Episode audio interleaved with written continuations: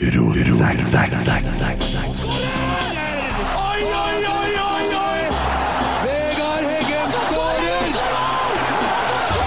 Og Rosenborg leder et nydelig angrep! Et nydelig angrep!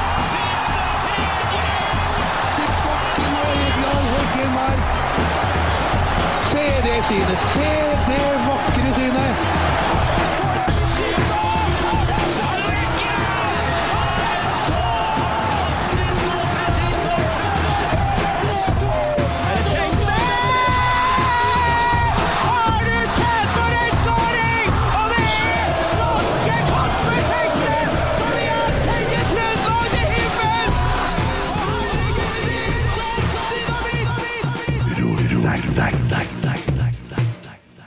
Hvordan går det med knærne, Christer?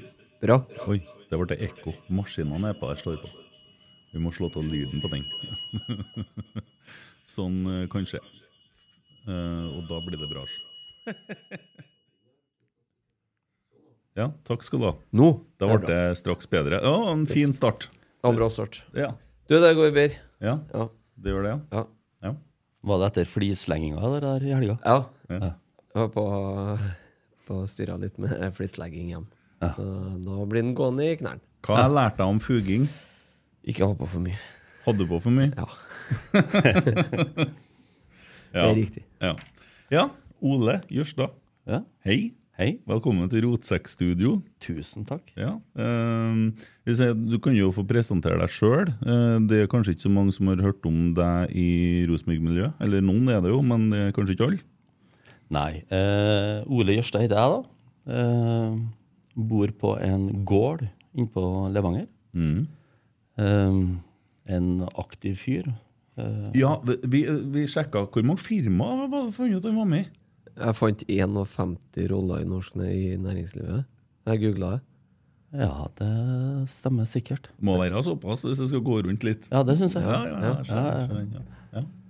Ja. Nei da, jeg har ikke bodd på Levanger hele livet mitt. Jeg har hatt ti år i Oslo, ti år på Steinan her i Trondheim. Og ser veldig fram til å se Viking på søndag. For jeg var håndballtreneren til Kristoffer Løkberg. Hva sier du det? Ja. En fantastisk guttunge å ha på et eh, håndballag. Mm. for han skreik jo, han. Eh, den ene kampen vi spilte uavgjort. Mm. Eh, det var vinnerskallen Kristoffer. Herlig fyr. Ja, ja jeg kunne gjerne tenkt meg å ha han på søndagen som var òg. Han har Ja. passa til å ligge og kjefte. Ja, det er Ja, ekkelt. ja det, altså, han har jo ei sinnssyk innstilling eh, Ja. i forhold til prestasjoner, både på håndball og fotball. Nå var ikke jeg som var fotballtreneren hans. Nei. Det var jo far hans og han... eh, Lars. eh, Lars og Lars heter de. Og, og nei, han var like engasjert både i fotball og håndball. Han kunne like gjerne blitt uh, proff håndballspiller som eh, proff fotballspiller. Mm. Jeg har opptredd sammen med Kristoffer Løkberg. Ja. Sunget. Ja, På Ranheim-avslutning, eller? Eh, Jeg var et lite, lite, lite lag der på Ranheim med guttene der, ja. Uh, Da ville han opp og synge. Så um, Ja. ja, og han var en sterk bidragsyter der òg, da. Eh, Men ja, håndball, sier du. Du har jo vært litt involvert i håndballverden i, Nor- i Håndballforbundet òg?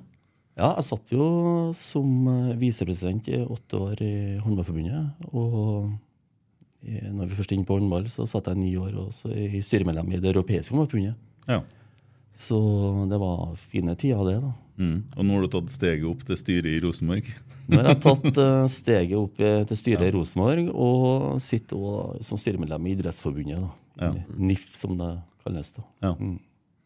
Sitter du og stemmer for og imot VAR og sånn? da? Eh, ja, altså, man man må jo ha mening om det. Ja. Selvfølgelig. ja. Det, det er viktig at vi er bevisst på det. ja. Det er en del sterke meninger ute og går om VAR. Ja, det er ikke bare om det, men om masse ting.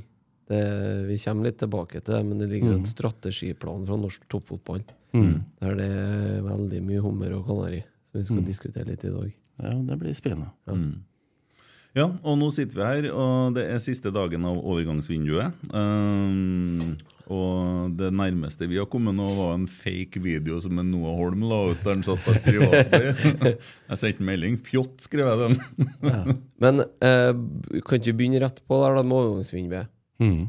Eh, jeg blir litt skremt da når jeg ser konkurrentene våre nå. Bodø-Glimt og Molde. Bodø-Glimt har brukt over 80 millioner av dem, i det overgangsvinduet her. De er ikke ferdig ennå. De har lagt inn bud på en på- keeper nedi Odd. Jeg er på å kjøpe en keeper for tosifra etter at de har kjøpt Julian Foye Lund.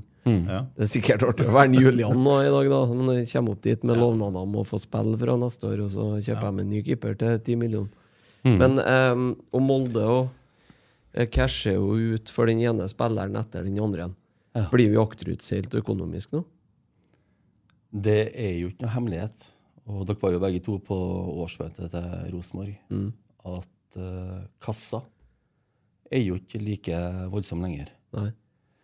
Og jeg syns Kjetil har sagt det ganske greit. Han har uh, brukt de pengene han har hatt til rådighet. Mm. Og jeg syns sport har brukt dem klokt. I hvert fall har Tengstedt vist tendenser, eh, og mye mer enn det. Ja, vi kjøpte en islending som spilte 70 minutter med brukket kragebein og skåra mål etter han har brekt kragebeinet. Sant, ja? Ja, ja. Ja. Og fryktelig trist at det skjedde med, med han. Ja. Eh, Så vi har brukt de pengene godt, syns jeg, og, og vi har ikke men, noe mer å handle for. Men vi jo Vi har jo solgt for utrolig mye mer enn hva vi har kjøpt for.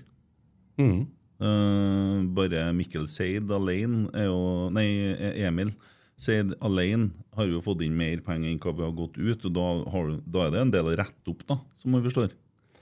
Ja, og, og det er jo dessverre sånn at uh, vi kan ikke bruke alt vi selger for til å kjøpe nytt. Uh, vi må få balanse i drifta i Rosenborg. Mm. Det er en viktig oppgave for det sittende styret. Og så må vi begynne å bygge egenkapital, eh, sakte, men sikkert. Og da er pall, pall, pallen er viktig. Det å komme ut i Europa etter hvert igjen er, er viktig. Det blir noen andre pengestrømmer. Og når vi får til det, eh, ikke om vi får det til, når vi får det til, for jeg syns det skjer veldig mye bra eh, sportslig, både på dame- og herresida, så kan vi begynne å, å være med i kanskje litt heftigere eh, budrunder. Men eh, i, på kort sikt, da, eh, så handler det om å utvikle de talentene vi har rundt oss. Det handler om å få bra trøkk i akademiet. Det handler om å kanskje få andrelaget opp et nivå. Eh, det handler om å utvikle spillere, eh, og derigjennom eh, selge dyrt og kjøpe smart. Ja, så vi er, vi er nå per definisjon tilbake til 2011, der vi var når Janne Jønsson tok over etter Erik Hamren. da. For da var vi blakk, og da måtte vi begynne å utvikle, og da kom jo Midtsjø, Selnes, Svensson Det kom en del unge talenter opp, eh, Ja. ja, og flere enn det òg. men jeg blir jo litt skremt fordi at jeg tenker, så blir det høna eller egget. da. Hadde vi kjøpt den defensive midtbanespilleren nå, så hadde vi jo kanskje gitt oss ballplass.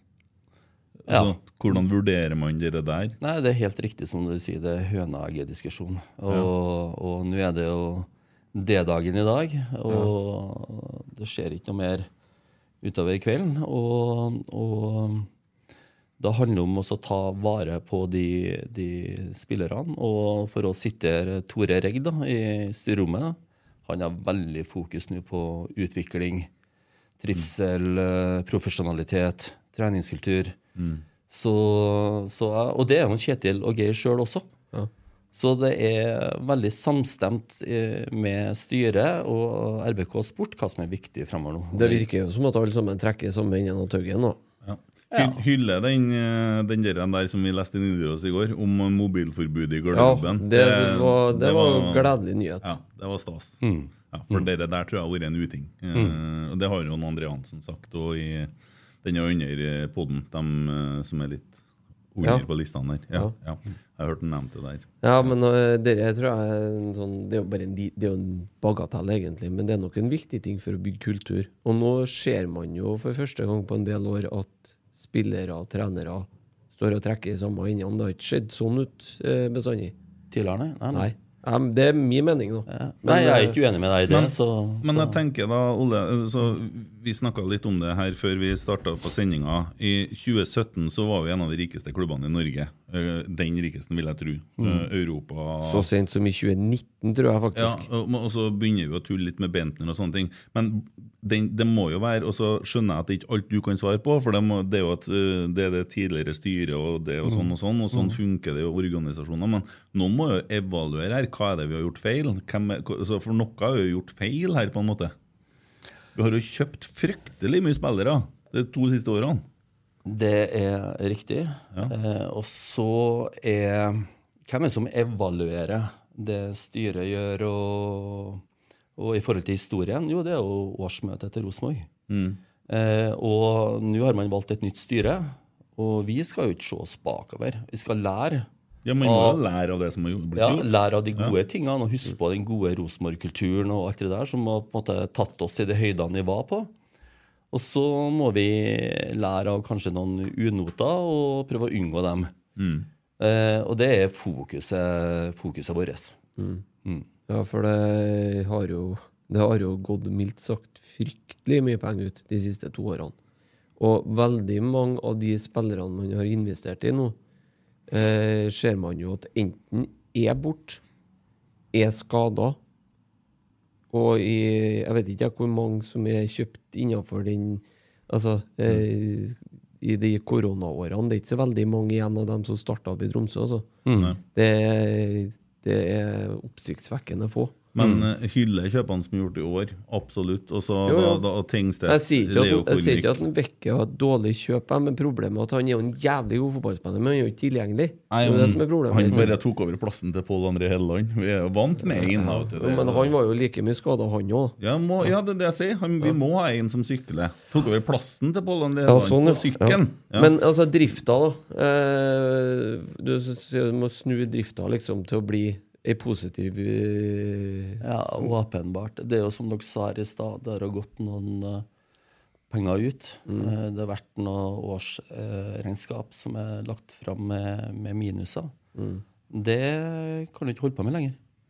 Og, og her, her må vi snu. Men budsjetterer jo med minus i år òg.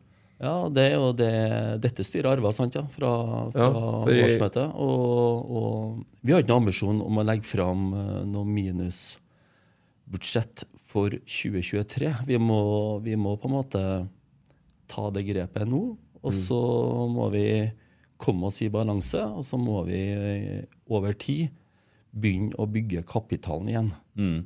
Og det verste som skjer, da, er at man kommer i en situasjon hvor man da må selge klokkesingen tomta. sant? For at, eh, det er kanskje smartere å eie den og så leie ut og ha en eh, næringsvirksomhet der. Ja, og det, det er jo en uh, forretningsmessig tilnærming eh, på det. Og, og der har vi jo et styre, bl.a. med Ivar er med videre på det. og veldig, Det er vi veldig glad for, at, mm. at kompetansen hans er rundt oss. Og er helt Det er Klokkesvingen AS, det. ja. Ja. Og, og jeg tror uh, når reguleringsplanen der får gått, og vi etter hvert får sett på businessmodellen i det, så tror jeg det kan bli en bra greie. Ja. Og så må jeg få lov til å si også, det var jo en som var oppe på årsmøtet og ville flytte treningsanlegget og bygge eh, studenthybler rundt her og ha det som en langsiktig Finn Hellandsjø. Ja, stemmer. stemmer. Og det er ikke noe dum idé, det. Nei, eh, vi satt og diskuterte det her om dagen, for jeg står i lag med Det er noen hardcore eh, Rosenborg 2-fans òg, som eh, jeg skal levere for dem i morgen. For at verken Jon Tore eller Roar får til å fære. Så jeg må fære og rapportere fra kampen mot Melhus. Ja, ja, men det gjør jeg. Men det, Nils Arne står jo så stolt og forteller at det her har vi bygd opp sjøl med egne midler uten hjelp fra kommunen, og det er Rosenborg sitt og sånne ting. og så Det er litt vondt òg. Og det der skal da Jeg skjønner jo mulighetene, for du driver litt med eiendom òg, sant? Ja, Ja, ikke og- så lite heller. Nei, og jeg skjønner jo mulighetene som ligger i området, men så er det jo noe med den her jeg vet ikke, jeg, jeg, elsker Lerkendal. da. Jeg elsker å være på Skoglund, og jeg elsker å være og se treninger og Rosenborg 2 på det her. og ja, det er, Altså må Det, det er en del av Lerkendal, det, det er Ja. en del av Brakka og Ja. Rosenborg-kulturen. sant, Ja. Men nå bare gjen, jeg gjenga det Ja, ja, ja. Ja, ja, ja. Finn Ja. og, og det er ikke noe, er ikke noe prosess i styrerommet på Nei, den saken der. det skjærer meg litt i hjertet òg, men jeg ser fornuften i det. Sant? Ja, ja. Jeg skjønner jo, skjønner jo logikken i det. Og, og Jeg var på Lade på lørdag og så på trening der, og det er et nydelig fint anlegg. Og ifølge trenerne en mye lettere kunstgressbane enn SalMar-banen. Mm, Uh, og det var jo en gang bestemt tribuner på SalMar-banen. mm. Eh, men så har man jo gått bort fra det, og det antar jeg er pga. fusjon. Og at man da vurderer om man skal flytte RBK2 til Lade. Mm. Det hadde for så vidt guttene fortjent å få publikum på en sittende tribune. At vi står rundt på sidene. Mm. For den Rosenborg 2-kampen på mandagen, det var klasse. Ja. Se klippet på YouTube, se målene. Ja, jeg så ikke kampen, men ja, det, var, det var utrolig Jeg hørte du sa at den var veldig bra. Ja. Mm.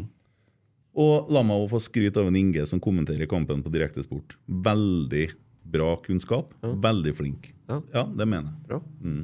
Eh, men eh, skal vi ta ferdig med klokkesvingen da, først? For det har kommet spørsmål om. Eh, altså, Hva er status på den, eh, den klokkesvingen? Altså, det er jo i regulering Den er godkjent eh, Omreguleringa er godkjent, er det sånn? Det er en prosess på gang der. Ja, Eh, og jeg kjenner ikke tallene i det, det må jeg bare innrømme. Okay. Eh, og jeg tenker det er et stort potensial i det. Eh, jeg var jo på Alfheim på, på søndagen. Eh, de går i litt av samme tankene. og bygger inn stadion. De har jo mye større rom til det enn hva vi har. Ja. Jeg tror det er klokt da, av Rosenborg å, å gå linja ut der. Ja. Og sørge for at det blir bra butikk for uh, Rosenborg. Om det skal være kortsiktig eh, salg, og at vi får bygd egenmetallen, eh, eller om det skal være eh, inntekter over tid, det, det løpet, det sporet der har ikke kommet på ennå. Ja, for det var det som skjedde med Scandic-tomta. ikke sant? Den ble jo solgt i 2012, hvis ikke jeg husker helt feil. Mm. Uh, og de pengene er jo, er fins jo ikke lenger navn. Two gone. Ja. Mm. Kan Tore Strømme jo det? Ja, kan ikke du bare Det var, det, det var et godt innspill til, til dere nå, vet du. Ja. For det var kommet spørsmål om fra Arvid Vasskog. Kan ikke dere bare øke omsetninga til 500 millioner? Jeg så det. Ja. Ja, det kunne vi tenkt oss. Ja. Men det er ikke så enkelt. Nei. Nei. Men, uh, den, Men da fikk jeg påskudd av ringen, Tore. Ja. Jo, men Han har jo noen ideer, Tore, men de er kanskje mer som arrangementsansvarlige ideer. At eh, kanskje publikumssjefen skal høre litt Vi òg. basar, kanskje. Ja, ja, nei, men jeg mener det. Han, så, han er jo lager litt sirkus i media nå, men noen ting er, skal ikke skjære hodet av en. Neida. Men sånn generelt, da. Nå skal ikke vi gå inn på, på Tore og den artikkelen som var prosessene som har vært. Men det at folk er engasjert, og at det kommer opp med ideer som kanskje vi kan ta tak i, det, det er velkomment. Ja. Men jeg har et godt tips til en Tore. da, og det er at Det beste han gjør, det er å komme på kamp og støtte laget. Ja, må Start med å kjøpe seg sesongkort, da. Ja, begynn med det. Ja. Møte opp på kamp, kom på medlemsmøtene, delta i diskusjonene. Send inn forslag til årsmøtet. Det har jeg gjort. Det har du gjort. Yes. Ja, eh, Det var, det var mange som gjorde det i år, da. ja, ja Men det, og det, det har vi vel også diskutert før. Det var vel kanskje en grunn til at det var så mange forslag. til Jo, jo, men i år. nå, har det, nå er vi sånn tilbake som det var eh, på 60-tallet, 70-tallet. Da den yngre garde begynte å engasjere seg i Rosenborg, og det ble litt sånn mellom den eldste garden og den yngste. Det har skjedd igjen nå. Det er helt i orden. sånn, Vi har holdt på sånn alltid. Så vi tåler en god diskusjon. og Ja, det godt, da. Eh, men jeg skal bare si eh, jo, For det at vi snakker om den eh, Du sier er Tromsø og de tankene de har. Jeg var og kikka i Stavanger, på stadion der.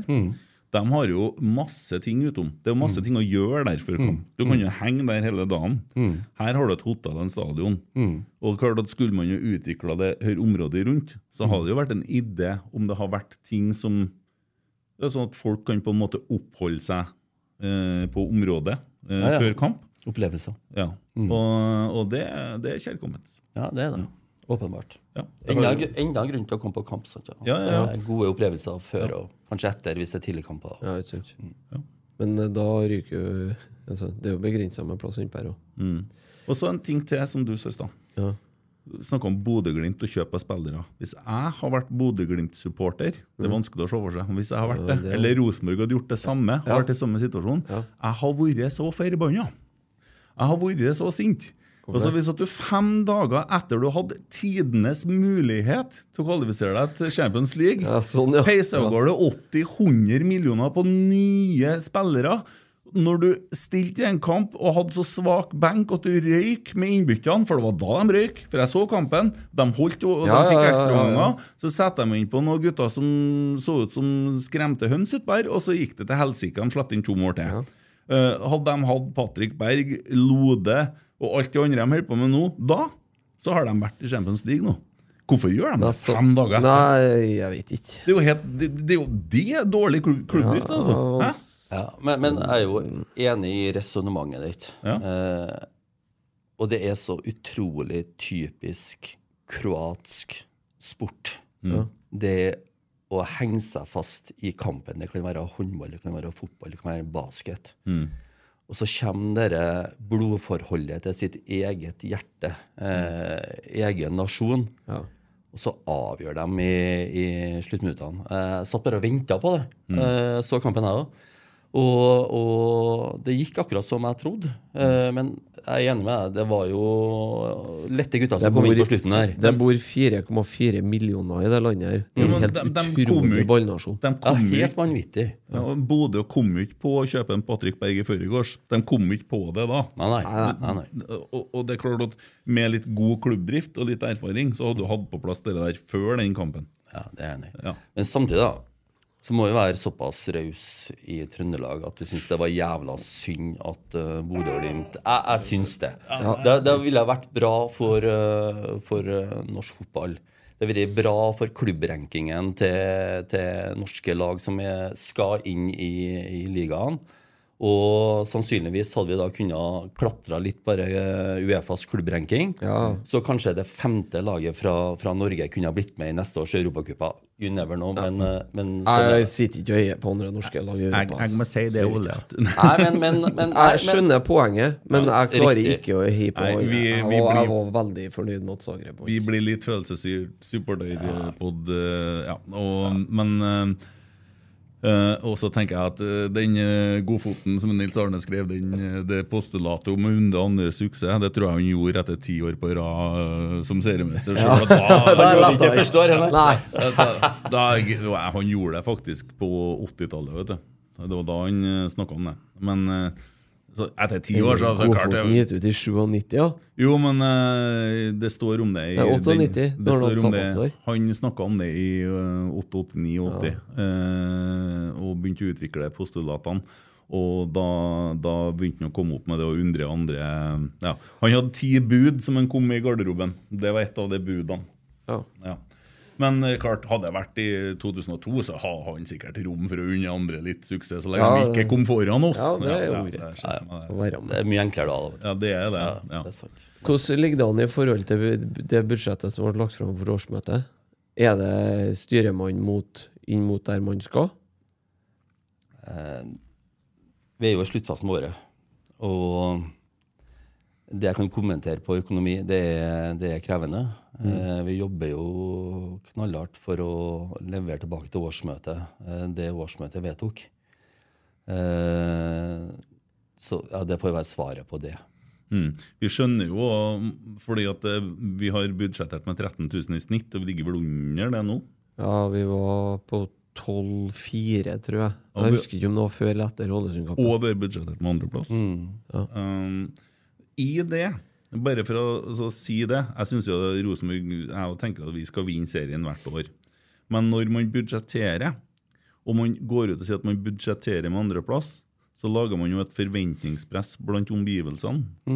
Eh, hvor man etterpå går ut og sier vi må senke forventningene fordi at laget er, har en dårligere kvalitet fordi at vi har begynt litt på nytt og sånne ting.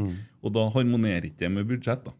Eh, så det, det er min tanke om det. Men, eh, for jeg tror det var ganske dårlig forfatning, det laget som trenerne tok over i januar. Det er jo sagt høyt mange ganger. Eh, på både fysisk og samhandling og, og maskineriet. Det var ikke helt oppe og gikk, da. Nei, og det spurte jo det nye styret eh, tidlig om. Å få sport inn i styrerommet og på en måte få en status. Og den status vi fikk fra det fysiske teamet, er jo veldig oppløftende. Og da, da Det var en veldig god uh, gjennomgang av uh, den fysiske tilstanden i, i gruppa vår. Og Snakker om nå, eller? eh? Ja, dette var før sommerferien. da. Ja, OK. Ja, og, og jeg synes det Altså, Rosenborg er en eh, prestasjonskultur Nei, prestasjonsklubb. Det er toppidrettskultur som skal være på det øverste hylle. Det ligger i visjonen vår. Eh, best i Norge, Europa hvert år. Og dette gjelder både damer og kvinner. Og alle, eh, altså damer og kvinner, altså damer og menn. Eh, og da er Jeg syns det er interessa- interessant fra styrerommet å få bekrefta med jevne mellomrom at vi har det fysiske i orden. Ja. Eh, og det fikk vi en bekreftelse på nå, da. Mm. Men det var ikke i orden etter jul? Men nei, da var ikke du i styrerommet, selvfølgelig. Det er riktig. Det vi har fått beskjed om, det er at det er bedring på gang. Ja, riktig. ja. Og det er viktig. Men, også, men, Men, hvis vi- hvis men vi- da Ja. Nei, kom igjen. Uh, men da bør det jo Det bør jo være Altså, fotballtrenere i, i Rosenborg varer i snitt ca. et år Mm. etter Nils Arne. Mm. Ca. et år Mm. Uh, jeg er med. Uh, da bør det jo være noen som har eh, Det bør jo være en internkontroll i klubben. da som At noen har en kvalitetssjekk på at vi faktisk, når en ny trener kommer inn, om det er en Horneland, Rekdal, Kåre, hvem det nå er, Ja. eh, så bør jo han vite at han tar over ei skute som holder 15 knop, og ikke 9. Vet du, dere, det er helt riktig. Eh, for vi har jo ansatt fysisk trener, vi har Ja. ansatt eh, medisinsk team, eh, og vi har ansatte spillere.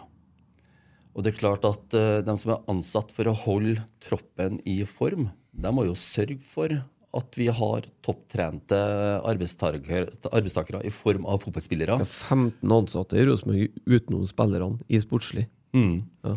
Så, ja, og det tar vi for gitt, og det ble nevnt også i styrerommet, at uavhengig over hvilke trenere som kommer eh, over nyttår da. Eh, Nå håper vi selvfølgelig at eh, Kjetil og Geir er her og bryter den statistikken du refererer til. Ja, ja. Men uavhengig av hvem som er trenere, så bør de som er ansatt for å holde guttene i form, og jentene i form, sørge for at de er i form. Så det er noe en ny trener, om det skulle være den som erstatter Steinar en gang i lang fremtid, eller, eller, eller eh, Kjetil og Geir i fremtiden, så bør fysikken være i, i form. Ja. Og da har jeg et spørsmål til, til dem som følger oss, da. ja. I forhold til det med kontinuitet. Eh, vi har jo et landslag i, i, i Norge, altså da tenker jeg på damelandslaget, eh, som har ligget i verdenstoppen i mange, mange år. Hvor mange trenere har man hatt eh, siden 88? Jeg snakker om da, ø- håndballandslaget for kvinner. Ja. Ja. Så- Så kan vi få se da, om du får noe Twitter-svar eh, ja, det kan vi jo på sjekke om det er der, om, våre, om de vet det. Jeg vet det, men jeg trenger ikke si noe. Nei, da får vi se om det kommer inn. Og for, for det, er, det er et bevis på at kontinuitet funker over tid. Ja, så lenge kompetansen er riktig, så. Så lenge kompetansen er riktig, og så lenge eh, apparatet rundt jobber knallhardt med det de skal jobbe med. Ja. Og det er et eksempel på at eh, de, fy, det er de som har ansvaret for fysikken i Rosenborg, må sørge for at den er på stell, uavhengig av hvilke trenere som er her. Ja.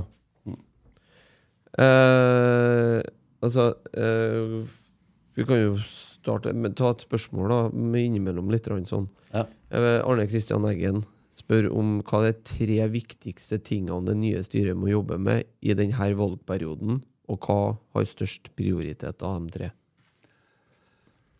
Eh, Økonomi sa du jo for så vidt i Ja, det har vi vært igjennom. Eh, det å skaffe seg et økonomisk handlingsrom er jævla viktig i fremtidssatsinga på Rosenborg.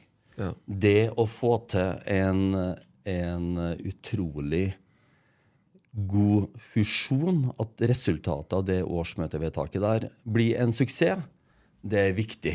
Ja. Eh, dere var jo på årsmøtet, og dere var med i diskusjonene. Og da er vårt mandat, det overgangsstyret, og det nye styret som skal velges til Rosenborg neste år, å sørge for at dette her blir, blir viktig. Og så er det er det det sportslige. Det med treningskultur. Eh, måten vi får tak i de unge trønderske beste talentene. Måten vi forvalter det på. Eh, både på gutte- og jentesida. Det er sport, det er økonomi, og det er fusjon som eh, vi skal levere på. Ja. Mm. Ta litt om fusjon, da, kanskje.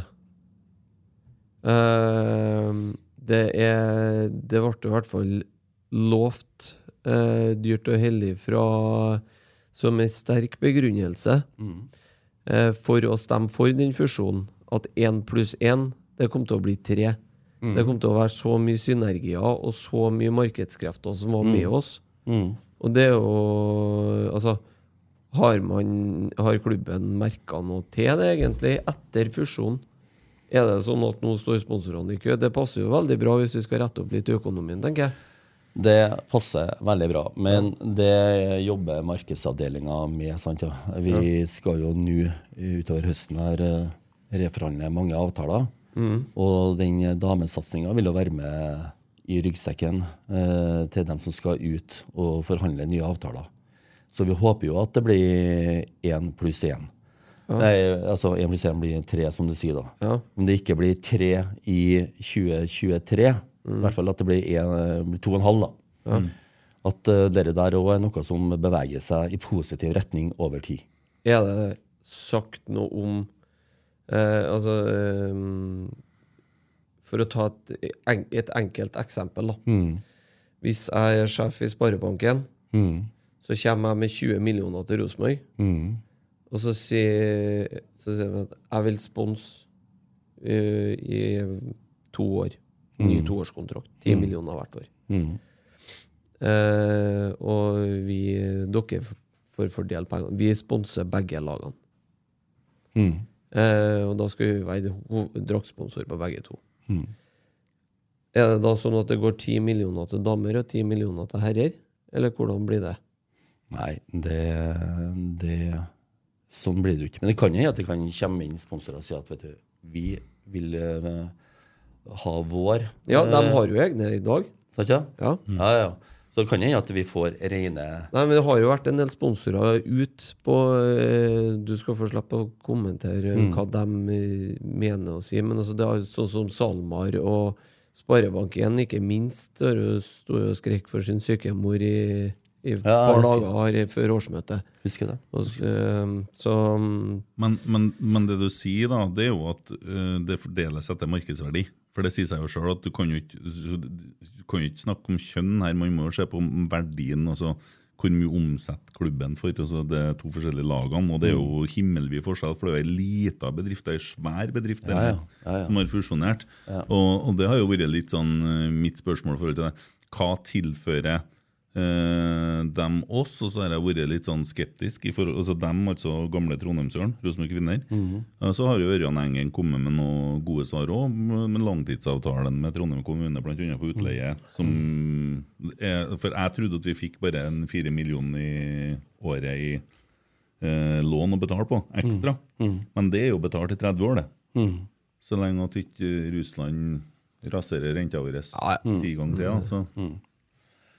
Men eh, ja, For det har jo vært en sånn bekymring at man begynner med noe sånn kvotering, og det skal være likt, og sånn, for da tapper man jo Ja, men, men bare for å ta litt kort om Ja, det, da. ja. Eh, Det er jo Det er jo helt andre rammevilkår, økonomiske rammevilkår, rundt damefotball i Norge Mm. og herrefotball i Norge. Eh, Det er eh, to vidt forskjellige nivåer når det gjelder lønnskostnader, driftskostnader og et sånt rundt et eh, damelag og rundt et herrelag. Og det er sånn det er i alle klubber. Og det er åpenbart at i uoverskuelig fremtid så vil eh, hovedøkonomien ligge rundt et herrelag eh, kontra et damelag. Det som er viktig for styret vårt nå, det er at hvis du ser bort fra økonomi, da, så skal rammevilkårene, altså profesjonaliteten rundt spilleren, eh, være eh, lik. Ja. Eh, sånn at eh, du har mulighet for å fokusere på fotball òg. Eh, som, eh, som jentespiller, damespiller. Du skal ha fysisk team, du skal på en måte ha samme rammevilkårene. Og der, eh, de synergiene der jobber vi for å få til.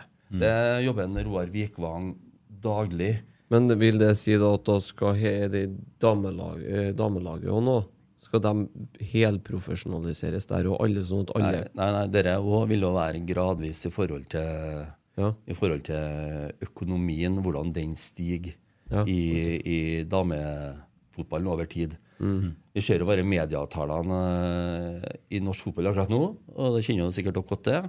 Det er jo er 750, nærmere 800 millioner. Og av Ja, det, det her er, så er det den nye er vel det. ja, Den nye er vel på 800, ikke sant? Riktig. Og så er det rundt 35 av dette her er øremerka damefotball. Så, at ja, og der òg var det jo veldig bra at vi tok eh, andreplassen i grunnspillet og nå har med oss fire poeng på damesida inn i, i sluttspillet. Ja. For å på en måte være med å ta Selv om da potten er mindre, og i hvert fall prøve å ta det vi klarer ut av den potten her Ja, ja. på damesida. Ja, vi har jo Jeg er ikke så fan av det sluttspillet, Nei, så jeg har ikke tenkt å følge med så hardt på akkurat det. Men jeg har fått Tenk- med at de har tatt sølv i år. Ja. Så vi har gratulert dem jo med Ja, vi sølvet, vi, vet du. dem, Vi vi er ferdig, vi er med serien. Men, men tenk på det, da. Brann, sånn som de har vært, jeg så det på Twitter, jeg delte på retweeta i dag òg. Hvis at det har vært likedan nå i Obos og i Eliteserien, så har Brann, som har vært så jævlig god i år Ja. De har starta på null poeng i et sånn eh, sluttspill om å komme seg opp til, til Eliteserien. Det er rettferdig, vet du. Det er helt vanvittig. Eh, og jeg skjønte jo det at eh, de har heller ikke tenkt å gi seg. Og de har bare tenkt å omstrukturere det litt. Men folk vil jo ikke ha det sluttspillet her. Nei. Folk vil jo ha seriespill. Seriespill. Ja, Rosenborg eh, har jo vedtatt at man skal eh, stemme, og i tillegg motarbeide ethvert et, hvert form for sluttspill på herresida Mm. på årsmøtet i år. Det har Det var jo en- det har vi ordna, vet du. Da ble det, var i hvert fall jubel hjemme i min stue. Men uh, for dere der må vi bare altså, nå, nå må alle sånne dumme argument legges til side. For nå ser du jo da Bodø-Glimt kan jo bruke det eksempelet. I playoff i Champions League i ekstraomganger unna å komme inn i gruppespillet. Vi har to norske lag nå, og det er i tillegg i tid der vi som tross alt bør være eh, høyere enn vi har vært de siste årene.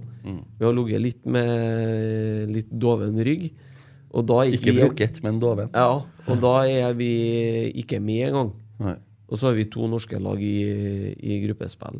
Og vi har i tillegg Viking og i playoff. Og, Du så, gnur det godt inn. jo, men poenget er det at da kan du, det argumentet kan du bruke for å fjerne alt det tullet om sluttspill og de greiene der. Serien i Norge skal være sånn som den alltid har vært. Det skal Ja, være ja. hjemme, borte, Ja. ferdig med det. Ja. Det fungerer, det. Og det, det er ikke noe stor uenighet eh, med deg det i, i styrerommet.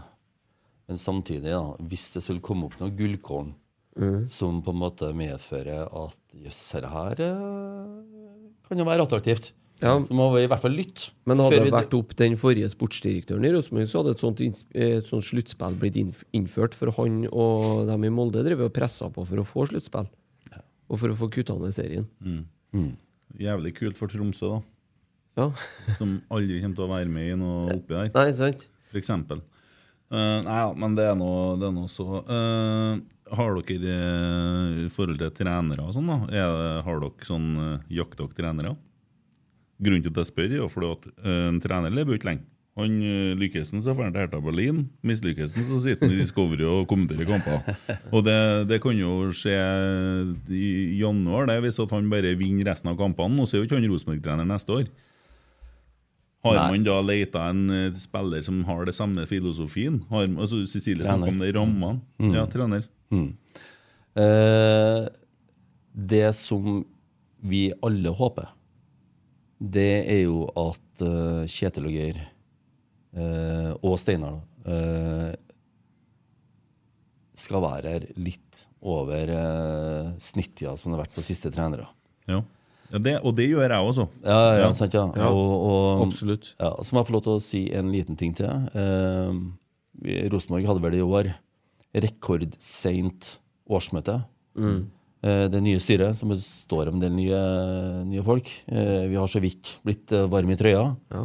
Og jeg er helt sikker på at eh, eh, å diskutere en generell ansettelsesstrategi på, for våre ansatte det jeg har jo nødvendigvis blitt et eh, tema i og med at eh, Tove plutselig forsvant. Mm. Roar forsvant. Eh, så at vi, vi har et ansettelsesteam i styret som jobber spesielt med, med dette her. Ja. Og at vi etter hvert begynner å få kompetanse på hvordan vi, vi skal ha dette her. Ja. Og at dette her kanskje etter hvert eh, tendenserer kanskje også til trenerspørsmål og, og andre stillinger. Det er jo klokt å være forberedt, men bare så det er sagt, vi har ambisjoner om at de trenerne vi har, eh, skal bringe suksess både til Lade og til Lerkendal. Mm. Og, det, det, og det forstår jeg. Og grunnen til at jeg spør jo litt sånn slesk, Jo, jo, jo. men det er jo ikke meninga det. Men poenget er jo det at jeg opplever jo at vi har skifta filosofi. Altså vi, altså vi har skifta Identiteten til treneren har vært så fravikende fra hverandre at vi har fornya hele helsikes stallen. Og rive opp alt på rot hver gang. Og det koster jo fryktelig mye penger. For mm. da skal det så mange spillere ut, og det skal så mange nye inn. Og klart at uh, Kjetil, Geir og Roar, nå, hvis de bygger nå, et 3-5-2-lag, eller 3-4-3 om du vil, uh, det, som, som du finner alle delene i det maskineriet, så det går sånn som det skal gjøre, sånn at det blir Rosenborg-maskineriet, og det lykkes, så er jo sjansen for at de forsvinner, den er jo der. Eh, For sånn fungerer jo fotballen også ved trenere. og da, eh, Hertha Berlin de nevner jo han hver gang de skifter trener, og det gjør de ganske ofte. ikke sant? Ja, de skifter, hvert, de skifter mye oftere i Rosenborg. Ja, Men, men bare for å ha en sluttkommentar på det, da. ja.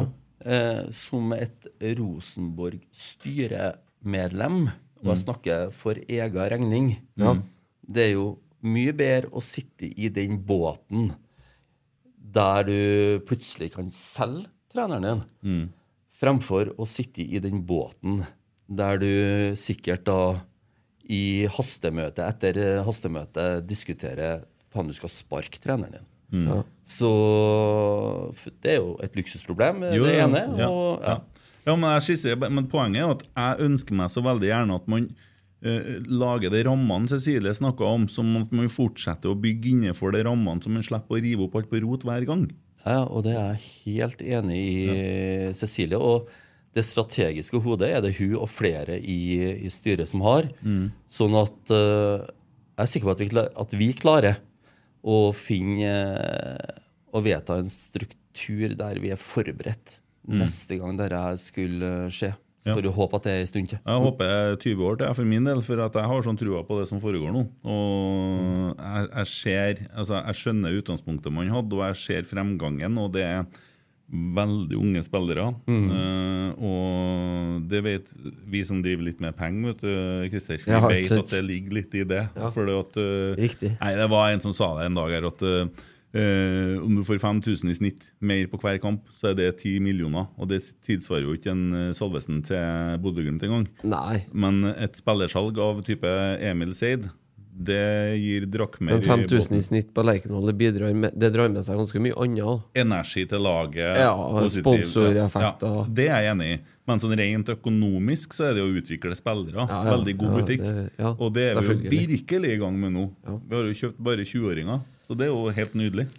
Ja, og, og det, så i forhold til treningskampene vi hadde eh, tidlig i vinter og vår her, og kontra det vi ser nå, eh, det er jo progresjon.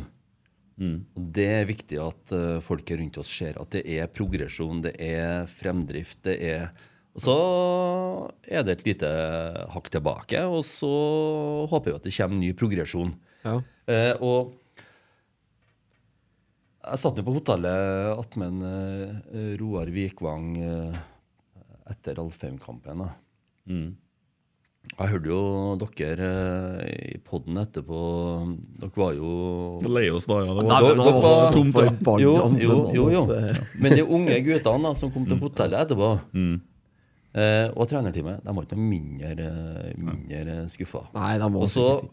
Må vi være enige om at det er på en måte, siste ordet om Tromsø-kampen. De hadde restitusjonstrening på mandag. Litt hvile i går. I dag har det sikkert vært ei kanontrening, og nå er det Viking som gjelder. Ja. Det var Har vi informasjon om hvordan det går med De topp 2-1. Nei, de er ikke ferdig. Jo, jo. Ja, nei, det begynner klokka sju. Ligger under 2-1. De ligger under 2-1 og har spilt i 59 minutter, og Tromsø leder. Nei, jeg skulle ikke si Tromsø. Eh, men uh, for å dra dere med ansettelser, da. Uh, Ja. Det er jo en daglig leder. eh, post som er lyst ut. ja, og da Daglig jeg- lederstilling Ja, som er utlyst. ja, og da hørte jeg at du kom ikke til å søke. Nei. Jeg hadde ikke planer om det, for jeg fikk spørsmål om det, og da sa jeg at nei. Det har ikke jeg noe kompetanse for. Nei, jeg hørte det. Eh, men jeg er jo veldig spent på eh, hvordan man går fram for å rekruttere den nye daglige lederen. Vi har jo en konstituert i dag, Ja. men eh, hvordan vet man at eh, det eventuelt er best eh, kvalifiserte? Eh, den som kommer inn i Rosenborg? Ja, altså Den som får stillinga permanent? Hvordan man vet det? ja, Nei, ikke hvordan man vet det, men altså, det er jo en konstituert i dag, ikke sant? Ja, ja, ja. man jo, søker man jo åpent. Det er veldig gledelig, da. Altså, det vil jeg si det er et stort pluss ja. uh, i min bok Ja, fra og- det nye styret. Ja, og vi, vi har jo fått utrolig mange tips på Du kan ikke ansette han eller han eller hun eller Sant, ja, Det er mange som har sagt Kent, antagelig. Kent Ranum. Aune. Kent Aune. Kent skal bli ordfører. Ja, eller? sånn, ja. Men men, eh, vi var veldig tidlige på at dette skal søkes ut. Så jeg er veldig glad for at vi fikk en uh, Tore på banen eh, rett etter uh, eh, Tove gikk ut som president i, i Molde. Og at han var her allerede på mandag. Veldig bra. Han kommer fra Koteng-systemet, så det viser jo litt at eh, Ivar og er glad i klubben her ennå. Eh, og, eh, og det funker, funker bra. Eh, Tore gjør en, eh, en eh, bra jobb og har vært veldig delaktig i, i det som har skjedd i overgangsvinduet her eh, i, i sommer. Eh, men han må søke, han òg. Han må ta krigen for å få den eh, stillingen. Og så har vi da tre i styret som, som tar imot søknadene, evaluerer. Og så kommer de med innstilling til styret, og så får vi styret samla sett ta den beslutninga på den personen, han eller hun, som vi har mest tro på, kan eh, gjøre minst like bra jobb som, eh, som Tove. Og så er det jo sånn i en prestasjonsklubb som Rosenborg at alle, uansett om du går på matta og passer på den, eller eh, sitter i styrerommet, eller er ansatt, at alle skal gjøre det litt bedre i morgen enn hva de gjorde i dag. Ja. Hva er, det, hva er det oppgavene til daglig leder i Rosenborg består av sånn i hovedtrekk? da? For det første så er lede folka sine. Eh, og så er det å utvikle Rosenborg på arrangement, på media. Eh, og alle i forhold til de forretningsutviklingene eh, vi har på gang. Mm, Klokkesvingen er nevnt. Og så har vi sosiale medier. Altså det, er en- det er en kjempejobb. Ja. Og så er det, i og med at vi har den dualmodellen som årsmøtet vedtok, ha jævlig tett, unnskyld uttrykket, veldig tett, og god dialog med eh, sportslig koordinator, som da nå er konstituert i en, i Roar Vikvang. At dette her går i takt. Ja, for han er jo konstituert. Han òg er konstituert. Skal det jo lyses ut?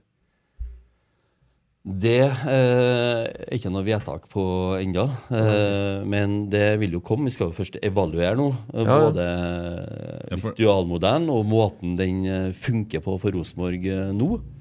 Eh, og så får vi ta den beslutninga når vi setter punktum en gang før jul, kanskje, eller over jul. Eller. Ja, for jeg tror Svein Målen sitter med penna i hånda klar til å skrive søknader.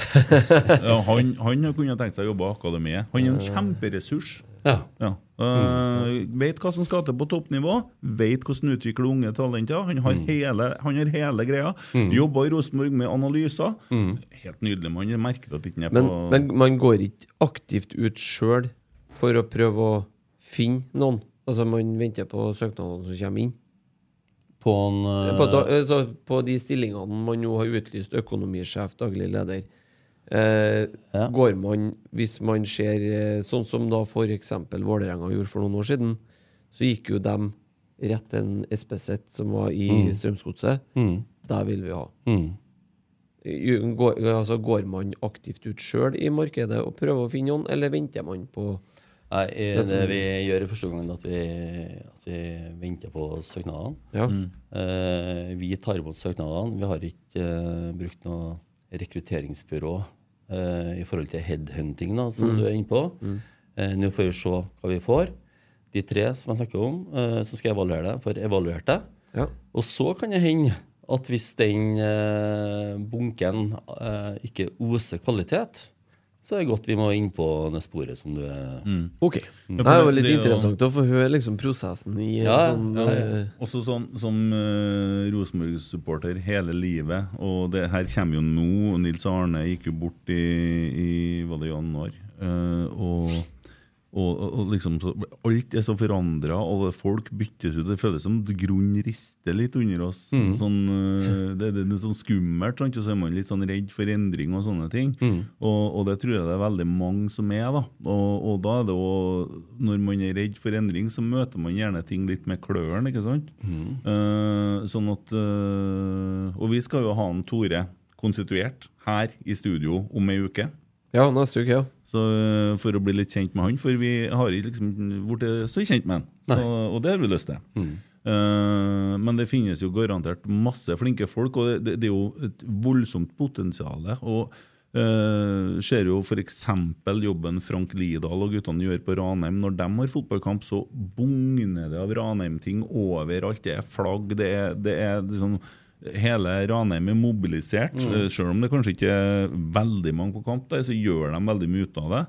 Rosenborg har sovna litt i timer der. Før var jo bussene hadde flagg. og alt mulig sånt. Nå er ja, nå er en annen gangen så er det flagg på Elgseterbua, men ikke alltid. Eh, før var det utom butikkene overalt, og det var litt sånn Og bergenserne kom og tente på søppeldunkene, og det var litt, uh, var litt stemning. Liv i byen. Ja. Uh, og savner litt det trøkket eh, inn i sentrum. Og, og, og Jeg vet ikke om det er daglig leder, eller om det er Pernille og Tor Arve, eller hvem det er som uh, har Men vi, vi burde ha kommet oss litt opp og komme i gang litt, for det virker som vi sovna litt i korona. Men uh, dere er helt sikre på at uh, Tore får uh, spørsmål om, uh, om en uke? Ja, garantert. Ja, ja, ja, ja. Ja. Eh, men eh, ta litt om eh, den Men, men en en kommentar før du går videre. Ja. I forhold til det du sier at noen skjelver pga. de store, massive endringene som har vært i de nøkkelrollene og funksjoner og utbytte av sty sentrale styremedlemmer og styre. Eh, vi i styret vi ser på dette som en kjempeutfordring. Uh, altså uh, med spenning og, og tar tak i dette. Altså, det er en mulighet for å bygge noe altså, Kanskje en floskel, men Rosenborg 2.0, sant? Ja? Eh, med nye folk. Og, og med fusjonen i tillegg. Altså, jeg syns det er superspennende. Dette trigger meg. Jeg gleder meg til hvert styremøte. Så dette syns jeg er spennende. Ja. Jeg har en liten oppskrift der på hvordan man skal lykkes eh, på- med. RBK kvinner. Jo, men jeg har en tanke om det.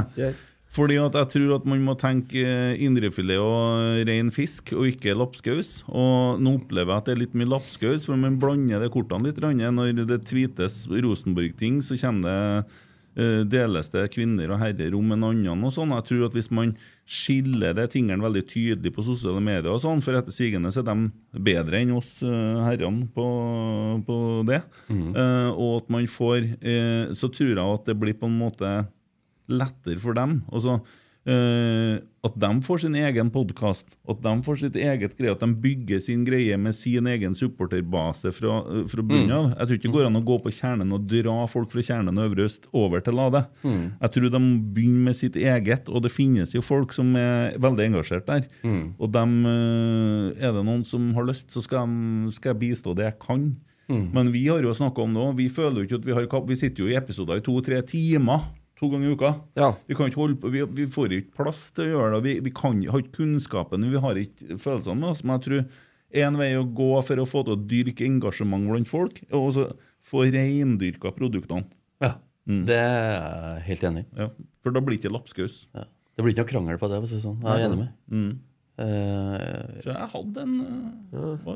Og Rot deg fint inn. Nei, men jeg sier jo litt sånn Tar en litt sånn eh, Otto Ulseth-overskrift Ja, for å få ja. inn på klikket, Ja. og så leser du sånt. Ja, ja. ja. Lærer, vet du. Men, men, eh, men ja. ja, Nei, du nevner kjernen. ja, Kan jeg fortelle en historie? ja, kom igjen. Jeg eh, kom til Værnes på søndag. Så skulle jeg inn på flyet oppover til, til Tromsø. Og der kom det en i svart og hvitt og går han bort og prater med han. Ja, du skal på kamp? Ja, han eh, følger nesten alle bortekampene. Det var noe sykdom eh, på et par kamper, men resten har han vært med på. Men eh, hvordan får du tida til dette her, da? Jobb og Nei, han tok de helligdagene, julaften, påskeaften Han tok de, de helgene eh, når andre ville være hjemme. Mot at han fikk forhold på alle Rosenborg-kamper, enten på Lerkendal eller eh, til Tromsø eller eh, Bergen Ikke Bergen, men Kristian... Ja, Ja. Ja. Fantastisk historie. Altså, eh, Herre gjelder sikkert mange i kjernen. Blodfans. ja, det er ganske Det er en del av dem. altså. Ja, og så er det sånn altså, ja, Det er mange dem. Det var nesten 100 stykker oppe i- på Alfheim, og jeg må si eh, Det som kjernen holder på med, eh, spesielt på hjemmebane, for det har jo mange Men dere har vært jævla dyktige, eller de har vært veldig dyktige på bortekamper nå. Det er helt fantastisk. Den beste bortekampen i år var Der var den var faktisk jeg på. Det var på Åråsen. Da fylte vi jo hele kortsida her. Det var jo 1700 og et eller annet, tror jeg. Mm. Lang tur hjem, da. Nei, var ikke det, for jeg for rett til Gardermoen og tok fly hjem. Fly, ja, tok fly, ja. Men det var noen som kjørte fra Tromsø og ned til Trondheim òg. Ja. Den var være lang. Ja. Den må ja. uh, jeg snakka med en som sitter Jeg sitter jo på DB-feltet. Rotsekkfeltet, som noen kaller det nå. Men uh, vi, så kommer det bort en uh, som jeg kjenner litt fra før. Han heter Svein Åge. Skulle gifte meg, vet du. Og så var det faen meg hjemmekamp den datoen. Det ble ikke noe bryllup. Han utsatte bryllupet. Han er ikke gift. Men de bor i lag ennå. Hæ? De bor i lag ennå. Ja, altså, jeg rakk ikke opp Nei, det ble ikke bryllup. De hadde planlagt alt var ordna, men det ombestemte seg når de så at det var hjemmekamp Ja. Nei, tror jeg kanskje at jeg heter. Dæven, den er hard! Ja. Nei, det var kamp! Skal ikke gifte oss! ja, men jeg har hørt at Åge Aleksandersen legger opp turnelista si etter eh, terminlista til Rosenborg. Ja, kanskje litt mer før. Tror ikke den Ja, jeg vet ikke, men Uh... Tror nok de eh, Jeg har hørt, tar jeg har hørt noe, Ja. noe snakk om det, i hvert fall. Ja. Men eh, litt om eh, videre, ja.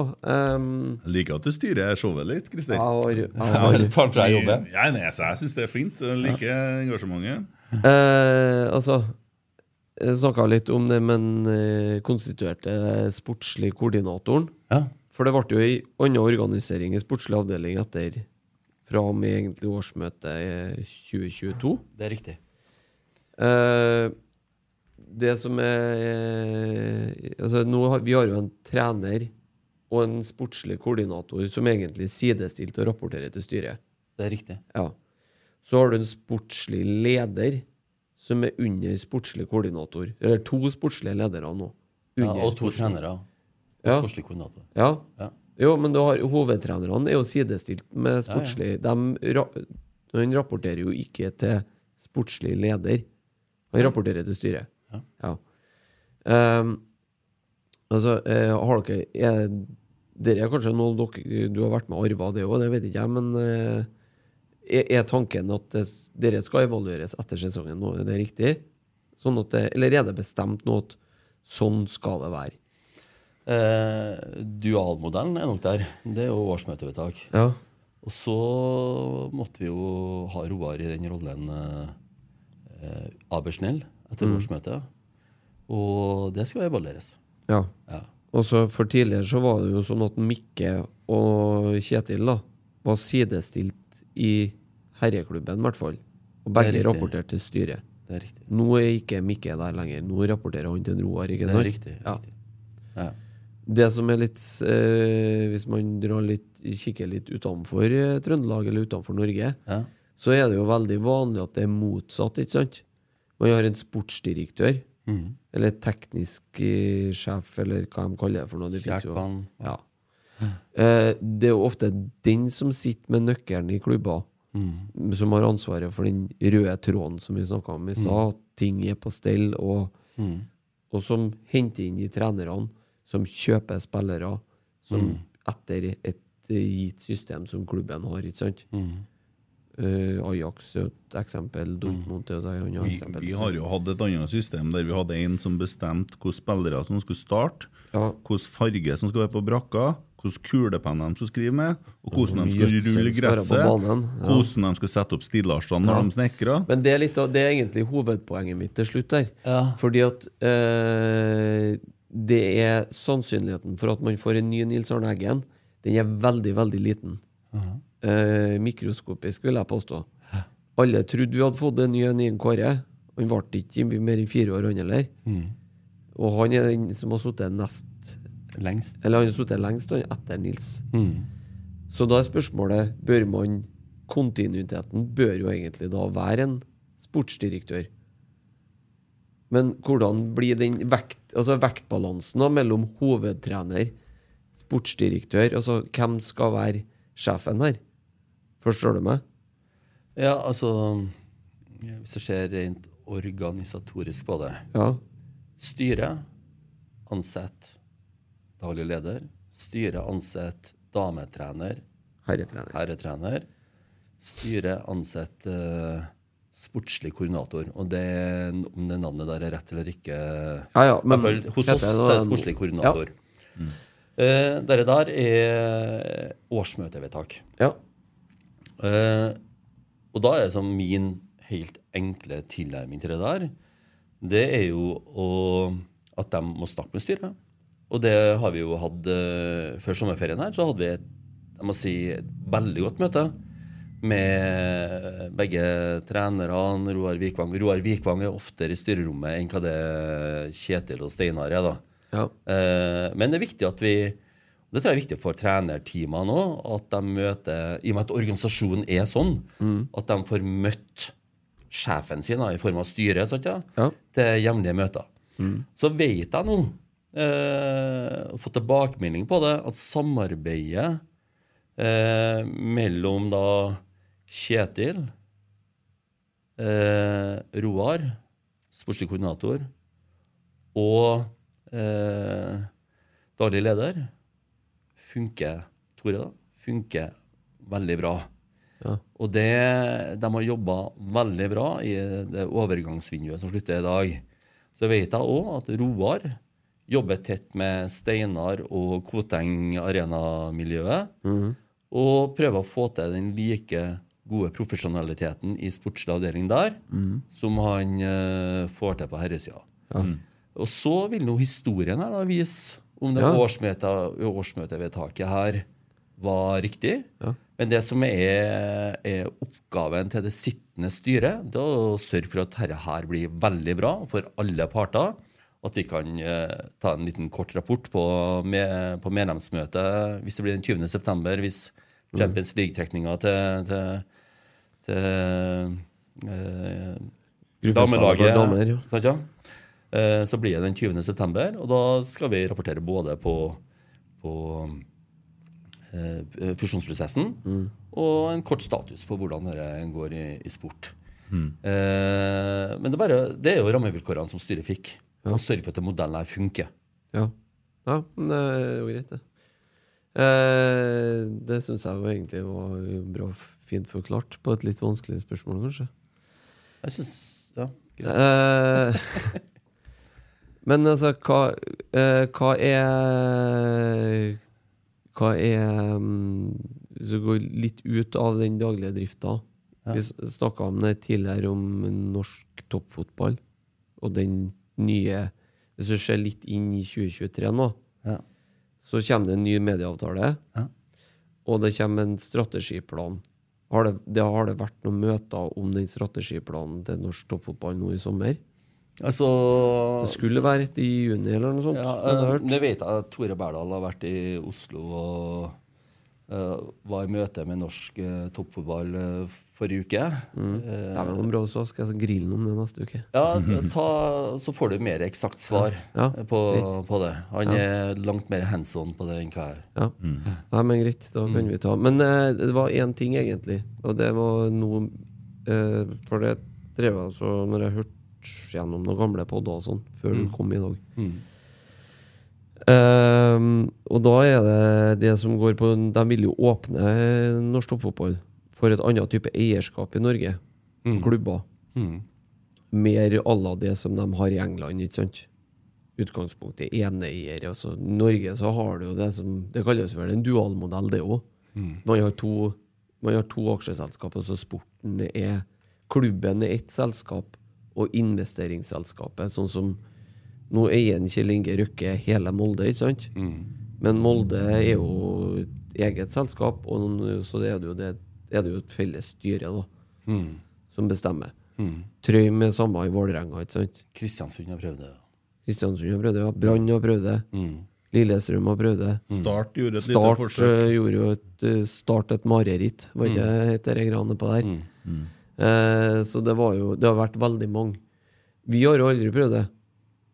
Jeg ikke Men jeg har hørt i en pod Det var Rasmus og Saga med ja, Cecilie og Tore Strømøy, faktisk. Hørte jeg At der var det spørsmål om den modellen. Og da ville ikke hun utelukke det. Er Så det, da lurer er det på- det samme som at en Ivar eh, Nå har jeg solgt veldig mye blåskjell ute i Åfjorden, har noen kroner til overs. Nei. Er det det som er Nei, men så, så kan du si at for ti år siden så har vi har prøvd en slags variant. For vi hadde et investeringsselskap for, i, som ble oppretta i 2012, tror jeg. Det var noen gutter som vunnet casha inn litt på en Morten Gams, blant annet. Det mener jeg var noen som må bidra. Ja, bidro. Stefan Strandberg og John Shibuke ble i hvert fall kjøpt av det investeringsselskapet den gangen. Mm. Da var det et eh, fem Det var et femdelt selskap, tror jeg, mellom Rema 1000, Sparebank1 Verdens lengste spørsmål snart. Ja. Ja. Ja. Jo. Men altså, ja, utreder man noe sånne eh, i og med at hun ikke ville si nei på det, da? Per dags dato så er ikke det utreda i Stromøy. Nei. Og Man har ikke snakka om det i forbindelse med at økonomien er trang eller sånne Nei, ting? eller? nei, nei, nei. nei. Eh, det var jo en fra Trondheim som sa at det enkle ofte er det beste. Her har vi, vi er medlemseid. Det er Ja. fordelene og kanskje noen ulemper det er. Vi har uh, vår generalsamling, altså årsmøte. Eh, velger styre, gjør jobben. Kom tilbake til neste årsmøte. Har dere gjort jobben? Fornya tillit? Hvis ikke, så bytter vi. Eh, jeg tror vi skal ha fokus på å ta eh, Og bygge Rosenborg sakte, men sikkert eh, Eller jeg tenker lytterne vil uh, si så fort som mulig. Ja. Tilbake til toppen. Det er ikke noe quick fix. Jeg tror vi skal ha fokus på det, i stedet for å endre eh, forretningsvilkårene eller endre businessstrategien til, til Ja. Nei, men da håper jeg at Åge, du svarer kontant nei på det neste gang. Ja, for Åge Hareide var jo innpå det der at det burde ha blitt oppretta et AS ved siden av, som drifta Ja, han er jo veldig fornøyd med Molde-modellen. vet du. Ja, ja, det det er jo, fungerer jo sånn at du bare ringer fra direktørkontoret og sier nei, dæven, nå går det i minus igjen i år, og vi trenger mer penger. Ja, Det ser ikke ut som det går så veldig bra. Start, For det sånn start som det, pressen, sier de bare. Ja, sånn som liggende i dag, så er det ikke så veldig mange spillere som vil dit, ser jeg. Det, det er noe overgangsvindu som foregår. Men eh, det kan jo snu utover kvelden. De vet vel å tyne dem for penger. Men Ja, eh, de vi, vi kan jo, altså Det er greit å kritisere Molde, det er jo alltid greit. Men uh, modellen ser ut som den funker på tabben. Jo, jo. si. De har jo fått spillelogistikken sin til å fungere. Det er Ja, det men er. hvem ville du helst skulle ha vunnet serien til Molde eller Bodø-Glimt? Christer? Åh. Nå må du svare et av dem. Hvis Rosenborg er utelukka. Hvis vi er akterutseilt. Ja, den er tung, den òg, altså. Ja, Nei, altså, det er jo pliktløp å si Molde på det. og du vil at Molde Nei, skal vinne? nei, at Molde ikke skal vinne. ja. Ja, vil du ha Bodø-Glimt øverst igjen? Ja, Det er jo fryktelig slitsomt. det, vet du. Ja, for at poenget er at jeg, jeg kan jo ikke forsvare noe Molde-greier, men samtidig, hvis Molde vinner, så er det jo stilt, for dem er jo ingen som bryr seg Ja, om ja, det er jo greit. at Det er jo to skuldertrekk, og så er vi ferdig med den. Ja, men Ja, Bodø-Glimt er jo stein hakket hakket ja. Som jeg sier, de sto jo med pyro de, når han kom hjem med Patrick Berg. Mens at her i Trondheim, når eh, Markus Henriksen kom hjem, så gikk ad- adressa med sånne svarte sørgebind og spurte om hva som skal betale. Oi, oi, oi, nei, herregud, går galt. Hvem skal betale det? Ja. Ja, det er liksom Nei, det er mer slitsomt med med Bodø-Glimt sånn sett. Ja, de er jo stein hakket hull oppi her. Ja. De prøver å fyre opp meg hver dag på Twitter. Men eh, Christer, eh, du står jo etter kjernen og kauker av og til. Hater, hater Moldeby. Jeg syns du brukte lang tid på spørsmålet der. Ja, men det er for Ja, det Bodø-Glimt er så slitsom. Ja, du vet at nå Hadde de bare greid å oppføre seg som folk, så hadde det vært greit. Ja. Vi har en sånn god beskrivelse av Bodø-Glimt. Det er som en uteligger har vunnet førstepremie i Eurojackpot i Eurolotto. Sant? De har jo ikke peiling på hva de holder på med. Nå har de kjøpt to midtbanespillere for 75 millioner, liksom. Ja. Ja, det er mye størst. Ja, det, det, jeg tror um, Jeg håper de kommer på femteplass i år. Og hvis at de kommer på fjerdeplass, og vi er på tredje. Molde og Lillestrøm foran, så skal vi gi bort denne her cupfinalen til Viking. vi, Viking, vi tar walkover, for da, da er de ferdig. Da kommer de ikke, da har ikke de Europa. Hva gjør de da? Mm. spørsmål. Nei, altså Det er der som er skummelt, da, for de holder på med den samme øvelsen som vi gjorde i 2015, egentlig. Ja. Når lønnsspiralene begynner å gå opp nå. Mm. De faste kostnadene øker dramatisk. Det Disse voksesmertene de kan bli tøffe etter hvert. da Jeg tror at det der Bentner-eventyret eh, dro med seg mye drit for oss. altså. Jeg dro med oss i hvert fall 45 millioner. Ja, så fikk vi litt uro. Det ble litt eh, Det tror jeg kom litt sånn dårlige vibber ut fra det der. Ja. Jeg tror det. Tord F spør Ja. på Twitter. Ja. Hvor liten plass mener han at styret skal ta med tanke på sportslige avgjørelser og i klubbens ansikt utad? Hvor liten plass, eller stor plass? Ja. Nei, altså eh, Styret skal sørge for at eh, klubben har en god sportslig strategi. Godt forankra i klubben, årsmøtet. Eh, og så Det er jo spillerne som er på banen, som skal være synlige. Klarer vi å bygge, bygge klubben at vi har den utviklinga som vi hadde fra januar til i dag, uten at styret og styremedlemmer eller Cecilie eller eh, hvem det måtte være, eh, er i media hver uke. Så et nærmest usynlig styre. Det syns jeg i hvert fall er, er å foretrekke. Det er et tegn på at det går bra. Det er et tegn på at det går bra. Men samtidig så jeg er sikker på at hvis det er noe kontroversielt, så er jeg Cecilie tilgjengelig. Eh, tenker jeg. Og så er det sånn, da eh, Enhver suksess starter i et godt styrerom. Eh, ditto enhver fiasko starter i et eh, lite, godt fungerende styrerom. Det er sånn generell eh, det, altså Hvis jeg har et postulat, så er det postulatet mitt. Ja. For det på en måte har jeg sett så mange ganger. Hva var det du sa i stad? 51 styrerom? eh, 51 roller, i hvert fall, så er jeg på proff. Så jeg googla. Jeg stussa litt på det. Det var jævlig mange. Bare en liten digresjon her. Pavel Strupalla kom inn for eh, Kristiansund i 84. minutt. Eh, Spennende. Det er jo litt Eh, artig. Ja, det er det. Eh, Han skal jo være der i ett og et halvt år, han jo. Ja, jeg tror han kommer til å bli så god i løpet av tida der at han blir henta Skal tilbake. skjøte Kristiansund opp fra Obos neste Jeg tror han kommer til å bli så god at vi henter tilbake. Ja, vi får se. Ja, For et talent. Og så eh, litt sånn eh, Vi må snakke litt om det òg. Litt sånn etter han skåra det krysskuddet der på RBK2 Tror han har skutt 40-50 ganger etterpå. Han var ivrig, eh, men han er jo bare 19 år.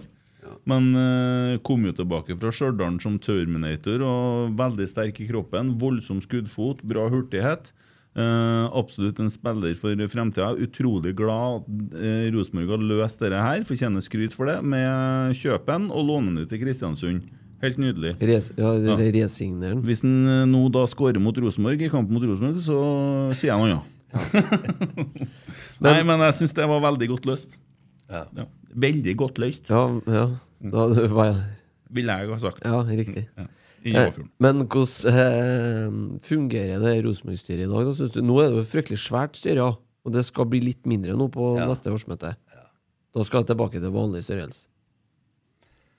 ja, det er opp til årsmøtet, og, men det er planen. Ja, Utgangspunktet er i hvert fall at det skal krympes. Men det er godt å høre du si det at det er et uh, lite synlig styre. For det at, og det, men vi skal ikke legge alt det på en Ivar heller. Men hadde en Ivar vært styreleder nå, så hadde jo han TV 2 vært og snakka med i dag, ikke en Mikke. For det var jo sånn. Men eh, det er jo en Mikke som skal snakkes med i dag, på overgangsvinduet. Ja. Og nå er det ikke det, Sånn har det vært i dag, og det er jo ikke noe nytt å melde heller. Men eh, jeg liker den rangordninga, og det blir litt mer ro av det. fordi at eh, Problemet er jo at hvis du uttaler deg på en sånn måte at du skaper støy, at det i utgangspunktet ikke er støy, men du bidrar til det. Og det, det er det kanskje noen som mener at det har foregått før, da. Det skal ikke jeg si noe om. Nei, det skal du slippe på. Takk. Men syns du det fungerer bra, det sittende styret? Altså, Altså, bra selv, jeg, jeg så jo at uh, Tore Strømøy syns at vi var fullstendig usynlige. Men tilbake til det jeg mener om at uh, det er bra, det. Ja. Men det betyr ikke at det ikke er engasjement, eh, diskusjoner i det styrerommet. Det er prestasjonskultur der òg. Det, det må jo være prestasjonskultur i et styre som er satt til å styre en klubb som skal drives på prestasjonskulturprinsipper. Det gjelder ikke bare spillerne, det gjelder eh, styret, det gjelder eh, de ansatte. Det gjelder dem som skal over matta våre. Så. Mm. ja, eh, og vanne kunstgresset. Så det må være prestasjonskultur i ett og alt det vi holder på med. Ja, han er vel den Det er du som bruker å si han er den eneste som har fått gått i fred på Lerkendal de siste årene. ja, det er ingen som kritiserer Anders Øyen. Nei, men faen, for ei matte, Ja. unnskyld, for ei matte han har òg, da. Ja. Ja. ja, det er helt eh, vanvittig. Ja, han han er lever jo- ånde for det. Han gjør en utrolig god jobb. Og fotball skal spilles på gress. Det er jeg enig i. Mm. Jeg gikk ut fra det. da. Ja, ja, og så Nå skal vi ikke snakke noe mer om dere Jo, vi- men, men, men, den, jo, men- den var jævlig blaut, den Ja. matta. Mm. Ikke bare styrteregna det oppe i Tromsø, men de vannene i pausen og før kampen og alt sånt. Jeg vet ikke om det er forskjell på regnvann og Vannpolo. Ja, det var det. det, var Men det. øh, igjen, da, jeg leser jo så mye for tida. sant? Nils Arne snakka om tapene han som en del av en seier i det store bildet. Altså, Den Tromsø-kampen må vi jo kunne bruke til noe. sant? Vi må jo kunne lære av det. Det handler jo om utvikling, det òg. Og, og i det store bildet så ligger det mye læring i det tapet der. sant? Vi skårer jo tre mål. Men det, det, det kommer jo fram en del åpenbare ting som de garantert kommer til å sitte og se på på video, så må de jo begynne å få det maskineriet til å funke helt som det skal på den delen av banen som ikke har fungert. Sånn at jeg tåler å snakke om denne kampen, jeg, altså. Ja, men men det er jo helt riktig. Du må jo lære av ikke gode prestasjoner. Og når han eh, som holdt på med videoanalyser av Rosenborg, analyse av Rosenborg, kom inn på hotellet Det var så vidt at han eh, hadde tid til å kjøpe seg en cola i, i resepsjonen før han uh, satt og analyserte kamp klar for uh, å dokumentere til episoder til, til Geir og Kjetil. Eh, det er ikke noe hvilehjem når gutta er på tur. Så artig å se. Artig å se. Det var ålreit for meg å være på den kampen her og så se litt på innsida av Rosenborg. Nå får ikke jeg å snakke med spillerne og Men du har jo vært tatt på håndballandslaget i mange år. Altså, hvordan, Ja, også fra strategisk eh, side, men uh, vi får nå aldri så Ingen politikere får å ramle i, i, i prestasjonsgruppa. Uh, det er armlengdes avstand. Ok. Uh, du fikk jo har- vifte med visakortet og nachspiel, gutta. Og... Ikke- det var sånn ikke- før i tida, vet du. Nils Arnes hentet med taxisjåførkortet i Italia der og greier. Det, ja. Ja. Og litt annet før. Ja, så det, da var dere, var ikke så tett på det Eller du, da. Var ikke så tett på det sportslige sånn under mesterskap og sånne ting. Nei. nei, nei. Nei. nei, nei, nei. Det er så utrolig fokusert. Samme som eh, når spillergruppa her er på tur. Eh, og sånn var det med dame- og herrelandslaget til Christian og Torir. da. Det, det er så detaljorientert, og er noe de ikke vil ha, så er det styremedlemmer for å vasene i sfæren rundt spillergruppa. Ja. Når, når turneringa var over, og når festen skulle være, da var vi velkommen. Ja. Eh, men ikke kom og forstyrr eh, ellers. Nei. Hold dere unna. Én armlengdes avstand er klokt. Ja. Ja. Eh, En annen ting jeg tenker på, for du, du har jo litt øh, på godt under spilling på penger, altså business. Uh, RBK-shoppen mm. er jo outsourca fra Rosenborg. Det sitter jo noen andre personer og eier på en måte merkevaren Rosenborg der og bruker den egentlig fritt som de vil. Eh, hva er din personlige mening om det? Burde vi ha eid Rosenborg-shoppen sjøl? Jeg skjønner at du må sette deg inn i et tall, og alt sånne ting, men sånn i- Nei, nei um, um, Hva skal jeg si til det, da? Eh, Jeg tror at uh, den Rosenborg-shoppen om ikke lenge eies Rosenborg. Mm. Ja. Det vil være musikk i mine ører. ja. Det var, det var jo en, eh, en eh, fin, forsiktig nyhet, kan vi kalle det. Nei, men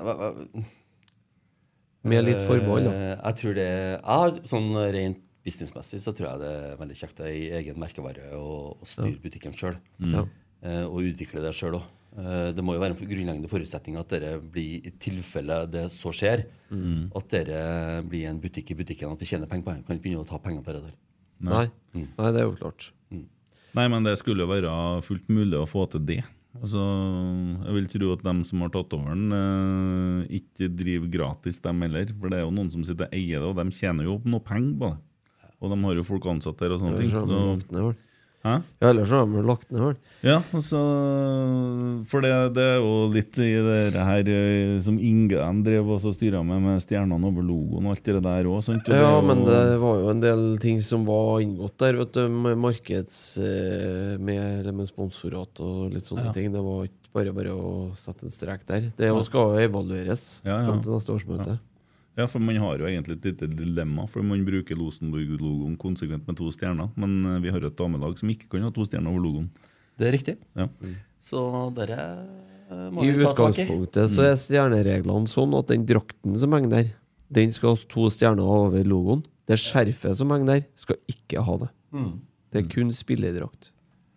Riktig. Og det skal ikke bort fra at det blir Og det fremover. kaffekoppene på brakka skal ikke stå stjerneblanding og Rosenborg eh, med to stjerner over. Det er feil. Men da er dere inne på en, eh, en eh, liten detalj som ikke er en bagatell, som vi må ha et forhold til, basert på en fusjon som vi har Ja, ja. gjennomført. Det handler jo om å bygge merkevaren sin. Og da skal vi jo ta ti sekunds pinlig stillhet for alle sammen som har tatt over til Rosenborg-logoen med to stjerner over. Ja. for det er det mange som har. Men, men eh, det, så alt er ja. Nest, nesten en spilletrøye, det, da, når du har det på Jo, men ja, så må det på armen. Jørgen Eriksen spør om det er noe liv på Krokstad gård. Da tenker en eh, Jørgen på det fjøset jeg har, som jeg og kona har eh, gjort om til festlokale. Der har jeg aldri spilt. Det er jo helt merkelig. Men det kan vi få til. Ja, det syns jeg, ja. Tøft. Ja. Og, og til podkastens lyttere og seere, da, så neste fest Det kan jo være svar tilbake til Jørgen Eriksen. Eh, at da skal vi feire to seksårsdager. Det er en uh, annen forretningskompis av meg som heter Erik Sakshaug, som eier mye intersportbutikker fra Orkanger opp til Harstad. Og Bjarne Håkon Hansen, som da tydelig politiker nå Namsos uh, ja, ja, ja, du, ja, du har jo bodd der, så Og da, Jørgen, eh, mangler en kar i baren, så hvis du vil komme og være frivillig, så er du hjertelig velkommen. Ja. Send meg en melding på Twitter. Frivillig bartender. Nei, Frivillig bartender. Ja, det, ja, det Husk kan på å slå av lyset når du går hjem. har jeg et forslag med en gang. Ja. Per Ivar Staberg han tok jo en frivillig bartenderjobb for, eh, for André Bergdølmo eh, dagen før eh, Dagen før siste serierunde. ja, og endte jo med en litt utsatt kamp, der alle kampene skal spilles samtidig. Det var litt sånn, ble litt ugunstig, men det ble en artig historie. Endte opp med, endte opp med forsoving og politieskorte fra, fra flyplassen og bort til Bryne stadion. Og, Har jeg to sluttresultat her? Ja. Tromsø slo Trom, Strømsgodset 1-0. ja. Kristiansund slo Viking 2-1. ja. Eh, Så som eh, forespeila så kom Viking til å gå på et tap i kveld. Eh, Kom fra et tap i helga, og skal da til Lerkendal på, Og en ny på en på trynet, da. Jeg håper jo endelig det. Og Ja, nå, ja, ja, nå vil jeg bruke um, anledningen til å oppfordre folk til å markere hva de syns om man Jeg kaller en tirpitz, for jeg syns det passer bedre. Ja. Slatko Du vet, jo hva, du vet jo hva tirpitz var for noe? Ja, det var jo en krigsbåt. Ja, Ja. som sak. Eh, men vi er jo ikke så glad i han etter det episodene nede i Stavanger og uh, tidligere på Lerkendal. Så han skal få kjørt seg på Lerkendal. Det, det må vi markere, syns jeg. Jeg mener Ja, det skjer vel naturlig, tenker jeg, når kampen er i gang. Jeg håper folk er så våkne at de husker den oppførselen. Ja, da, du får dem på sida di, du. Jeg bruker, å- bruker å ytre noen meninger. Ja, da bør bare å Eh, kjøre på. Ja. Eh, Så det Ja. Beste Rosenborg-minne? Milan-kampen eh, ligger jo høyt. Eh, Heggem, headinga hans, det er jo brent seg fast. Ja. Eh, likeledes verste Rosenborg-minne var etter at jeg, eh, han sekst, ene 60-åringen, ikke Bjarne Håkon, men han andre Vi har vært og dømt eh, en eliteseriekamp på Frosta. nå. Frosta var altså Eliteserien håndball. Skulle vi til Lerkendal og, og se Rosenborg-Bryne i Semifinalen i cupen? semifinalen i cupen. Jeg skulle si kvarten, men det var semifinalen. Det gikk fort over eh, Skattvars eh, Tror det var semifinalen. ja, ja, i hvert fall så vant, vant Bryne cupen i året. Leda ikke Nei, det tror ikke jeg, men eh, jeg mener Rosenborg leda til pause ganske klart og tapte. Ja, men, det? men cupfinalen Ja. Nei, det husker ikke jeg om Bryne, men det tror ikke jeg. Tror ikke Bryne har vunnet cupen. Hvordan Namsåsing var det som spilte for Bryne den sesongen? Eller? Oi, øh, det vet jeg ikke. Uh, Kolbjørn Ecker. Ok, ja. Men tilbake til denne bilturen. da. ja. Så For da bodde jeg i Trondheim, bodde i Ila, og, og jeg hadde min egen bil fra, fra Åsen, for Erik kom fra Steinkjer. Mm. Og så går det litt fort ned Vuddedalen, oppover mot Langstein, og, og vi kommer på uh, Skattvarstoppen. Eh, da ligger jeg i en kø på seks biler. Jeg er bil nummer sju. Og Erik ser ikke det, da. Nå skal ikke jeg si navnet hans. Unnskyld, Erik. eh, og han blæser forbi. Og vi kommer bort til Skattvarskirka, og Det, nå skjønner jeg hva som skjer. ja, ja, og, og blir vinka inn, Mm. begge to. Eh, jeg hadde et snitt på 80, som fartsgrensa var den gangen. Fikk kjøre videre. Og Erik satt der i egentlig deep shit. Mm. Eh, iskald som han er, og var den gangen, så skylder han på en Opel Ascona 1,8 i GT, som dere nettopp har sendt til Trondheim. Det var han som kjørte forbi alle de sju bilene. Og det endte opp med rettssak, da, for det var han kjørte fort, Ja. og ble frikjent Oi! Nei! fordi at han skyldte på meg. Ja, ja, ja. ja. Ja, ja. Så det, det var, Ja. så kom vi til Lerkendal, da. Det var det som var poenget. eh, og det var jo gamle Lerkendal med klokkesvingen og Ja, ja, ja. alt sånt. Ja. Ja, Gamle, store stå... riktig. Sant, ja. Og, og tapt 3-2. Mm. Eh, og ut av uh, cupen. Ja. Jeg- Hvis jeg husker rett, så tror jeg de leda 2-0 til pause og tapte 3-2. Det kan stemme. Ja. Og da sto, kom vi da sist til Lerkendal og sto rett under klokka. klokka. Men apropos gamle Lerkendal, da har jeg et spørsmål til dere to. Han er kanskje til Twitter igjen. Jeg vet ikke om du har fått noe svar på antall trenere på, på landslaget. eh, sikkert. Men neste spørsmål er da hvilken klubb har eh, tredje største eh, tilskuertall på Lerkendal gjennom tidene? Oi. Uh, kunne tenke meg at det kan være noe sånt som Steinkjer eller noe sånt. Nei, nei, litt for langt nord. Levanger. Uh, Nessegutten. Nessegutten, Ja, det er Levanger. Ja. Nessegutten Viking i 59. Ja. Det var riktig. 27 000 Jo, det har jeg lest om. Det ble flytta hit for at de fikk ikke spille kampen oppi Nei. der. Fikk ikke spille eh, på, Levanger, på Levangerneset, det var rett attmed meg der. Eh, kanskje fått inn eh, 5000 sant, ja, Mm. på tilhengere og traktorer rundt. Så vi måtte til Lerkendal. 27 000 kom Mm. for å se den kvartfinalen. Ja. Og det var mot Viking. Eh, jeg bare si en ting, Vi snakker litt sånn gamle minner og sånn. Uh, Snakka jo tidligere om at jeg har lest en del bøker, fått litt sånn dilla for tida. Uh, og frese den igjennom uh, eh, mye forskjellig. Og må spesielt anbefale den boka som Otto Ulseth har skrevet om Nils Arne, for den syns jeg er meget eh, godt håndverk.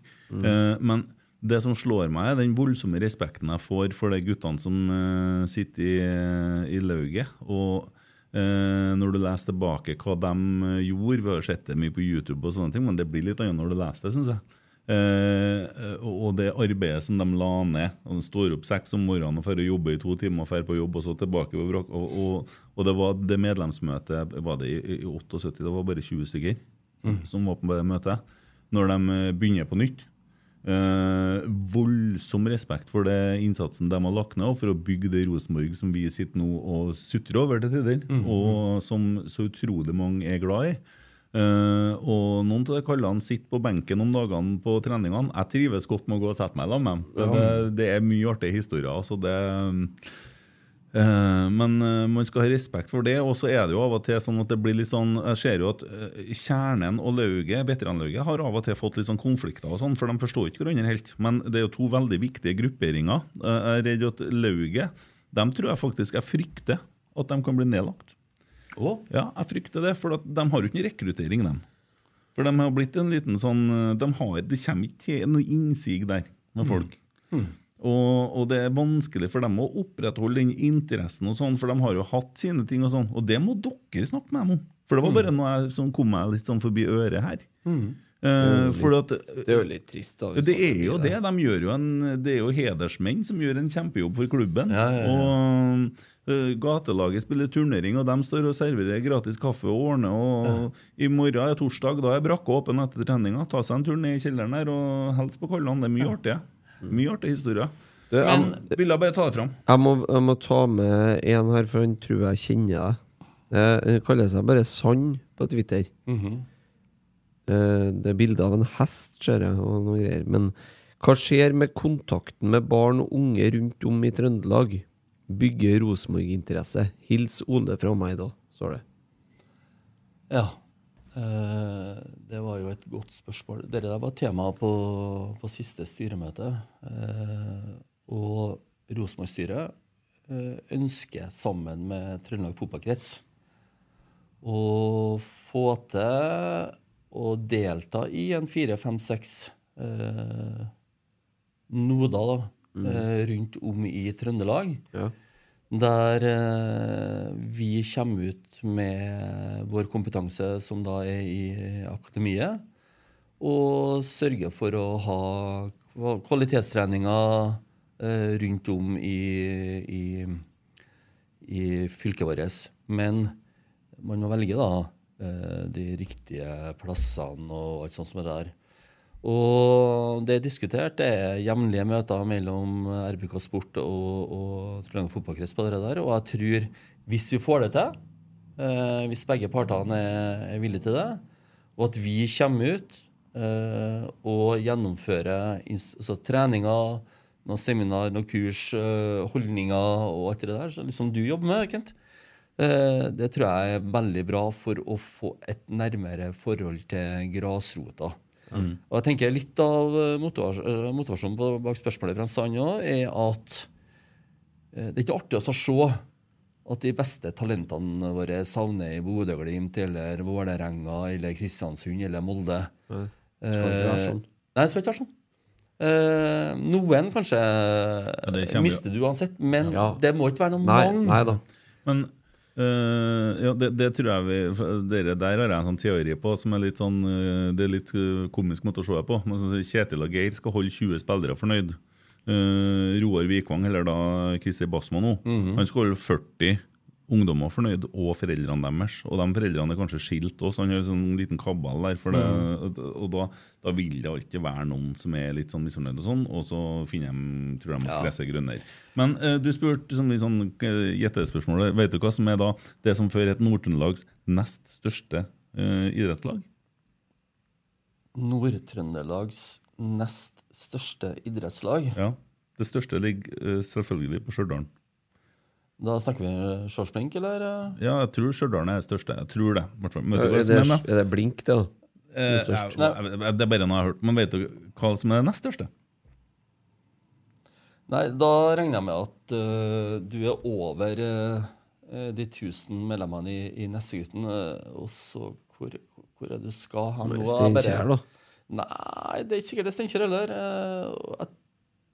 Det er ikke oppe i Namsos der du har Da må du lenger nord. Og vest. Det er Rørvik, altså. Snakker vi Næresund? Ja. Ja, Rørvik i Næresund kommune, som det heter nå. De Yes. har egne barnehager. De drifter voldsomt oppi der. Ja. De, eh, og det er utrolig mye engasjerte folk der. Eh, to store haller. Uh, kunstgresskamper. 500 publikum på kamp. Uh, engasjement av all masse. Ja. Og så har du det at du har den supportergrupperinga på Kolvereid, Rosenborg-supporterne. Der oppe ligger det Men det er klart det er en god avstand der. Men de kommer faen meg med buss på hver hjemmekant. Det Ja, men det er sikt, også. Det er sikt. og det, det jeg har jo vært inne i lokalet, for jeg har jo bodd oppe i Rørvik noen år. da Eh, Og det lokalet må ordne seg der, og det engasjementet der, det, det står det full det, det står så stor respekt av det. Og ikke bare det, Nå har de dratt det enda lenger. I går så posta de at nå har de vært ute og delt ut ei bålpanne, for de har jo penger og omsetning og greier. sant? Til en sånn friluftsområde. Så de har, nå har de sponsa altså Ytre Namdal supportergruppe, Rosenborg-supportere, sponser sånne plasser. Ja, 'Vi kan hjelpe dere med det, vi kjøper det til dere.' Sant? Så de kjører på. Uh, Men det med barnehage eh, i Rørvik Rilbarnehagen, Rørvær idrettslag barnehage. ja. eh, For mange år siden så ledet jeg Levanger håndballklubb. Eh, fra 2004 til 2008. Jeg Kom fra første sesjon opp i Eliteserien. Jeg hadde Mia Hermansen Øyda som trener. og Utrolig bra. Da stifta vi det styret som jeg leda da. Vi stifta et AS, en barnehage. Vært veldig bra butikk. Spillerne var, hadde assistentroller i tillegg til å satse på håndball. Vært eh, utrolig bra. AS, eh, sponsoravtaler, eh, en ny og ne et lite utbytte til klubben. og Full motivasjon mellom barnehagen og, og klubben. Det var Det er jo utrolig bra. smart, det. Ja, det er utrolig bra. Utrolig bra. Ja, nei, det, det er jo litt det samme de gjør oppi der, og der har de jo veldig mye penger, vet du. Williksen og co. Det, og det, det, ja. Og godt håndballag har de òg. Ja. Ja, ja, ja. Så der eh, Er vi Jeg lurer på Jeg tror ikke jeg har noen flere spørsmål. Jeg er veldig fornøyd med spørsmålsstillinga di. Syns det var litt sånn fint å snakke om Rørvik her og greier òg. Kan jo avslutte med en ting inn mot eh, Det var ett spørsmål jeg hadde skjedd, ikke hadde skjedd, fra Carl Pedersen. Det passer bra, for det er jo kamp nå på søndag. Ja. Hva tenker du må gjøres for å få flere, kamp, flere på kamp på Lerkendal? Dere der er sammensatt. Eh, det henger med prestasjoner. Det, vi snakka om det eh, litt tidligere i programmet her. Det handler om opplevelser rundt stadion. Mm. det handler om godt håndverk eh, dem som eh, jobber på brakka. Eh, Zoome, altså sosiale medier, eh, viktig. Eh, før i tida så hang jo plakater. Det er ikke det som er den verden lenger. Det handler om hvordan eh, du har kommunikasjon med folk. Eh, men vi trigges jo av, eh, av gode sportslige prestasjoner, så det er viktig. Eh, og så trigges vi av gode opplevelser. Vi har jo hatt det i covid-perioden, og det er mange som rapporterer om, om at eh, tilskuere har eh, dytti. Eh, folk har fått eh, nye vaner, kjøpt seg båt eller hytte, pussa opp hytta eller Ja, fått altså- andre vaner. Brann har jo, over, har jo 11 000 i snitt i Obos-ligaen. Ja, de har ikke sånne vaner i Bergen. De har- mindre, mindre penger i Bergen. Ja, men altså, vi må jo har, vi har begynt å lagt oss til andre Ja, vaner, vi òg nå, etter å ha blitt Vet du hva? 3-4-5. Der, der, Det er sammensatt. ja, og da tenker jeg at Brann, de rykka ned. Og så får de resatt, og så blir det For da handler det kun om én ting, og det er kjærlighet til klubben. Og det er noe Bergen er flink til, så er det at Brann er Bergen. Det representerer Bergen. Og det er ikke altså, Nå for tida så virker ikke som det er fullt så mye brønnpissere i Bergen. Nei. De har samla seg. Og det er ikke noe som er så samlende vet du, som et nedrykk. Det er jo sånn når de mobiliserer og skal opp igjen. Sant? Og så har du sånn som en, uh, fotballagenten og sånne gærninger som drar lasset litt og sånn. Uh, mens at vi har på en måte vårt nedrykk i fjor, vi, med femteplass. Det er maks krise. Hvis vi klarer å mobilisere fra en femteplass og tilbake igjen, da har vi, da har vi bra nivå på ting. Ja, da altså. bør Ja. Det For det, Men så skal vi klare å bruke det da, som en sånn resette-knapp. da. Og det ja, det hadde vært enklere på en måte om vi hadde røkka ned og så gått andre veien. sant? Det, det, det er så rart med det. hvordan, Jo, jeg skjønner, jeg vil jo ikke at du skal røkke ned, men så, så Jeg skjønner hva du mener. skjønner hva jeg snakker om. ja. Ser Lillestrøm, Viking, samme. Ja, det skjedde jo der òg. Ja, Viking nå. Hva er det som skjer med Viking nå? Nå ser du på publikumsavtalen, nå sliter de, og vi skal ikke godte oss over det. Vi sitter og håner Molde, men vi burde unne at det er fullt på alle stadionene. For at norsk fotball. Altså Ja, ja. interessen rundt norsk fotball. Og spesielt med prisene og alt det gærenskapen som skjer i England og sånne ting. Eh, støtten Jon Tore, møte opp på RBK2. Uh, Hold med norsk fotball. TV2 tar over avtalen. Takk Gud for det, for Discovery har vanskjøtta det i år. Mm. Ja. Mm. De møter ikke opp på jobb lenger, de. De sitter med to Obos-folk i studio. Jeg håper på fulle stadioner overalt, det. Bortsett fra i Molde. Ja. Og så tror jeg én ting til.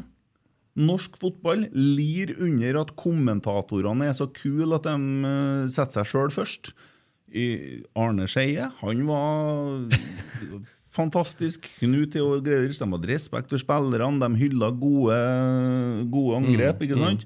Mens i dag, så, for at spill mot spill krever at du gjør noe feil i Forsvaret.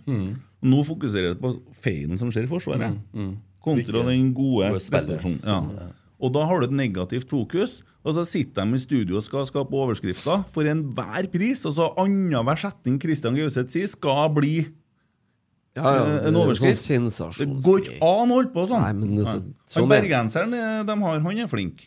Han Grønner? Ja, han han slet litt med synet om søndagskvelden. Ja, men jeg syns Han er flink, han er faglig dyktig, og han, eh, han setter ikke seg sjøl sånn i den der halleluja-kategorien som enkelte andre gjør. Men det bidrar til å kjøre ned norsk fotball, tror jeg. Ja, altså å få til en positiv bølge Mm. eh, skaper jo langt mer engasjement det enn eh, å bare lese negativitet, altså om negative ting og sånn over, over tid.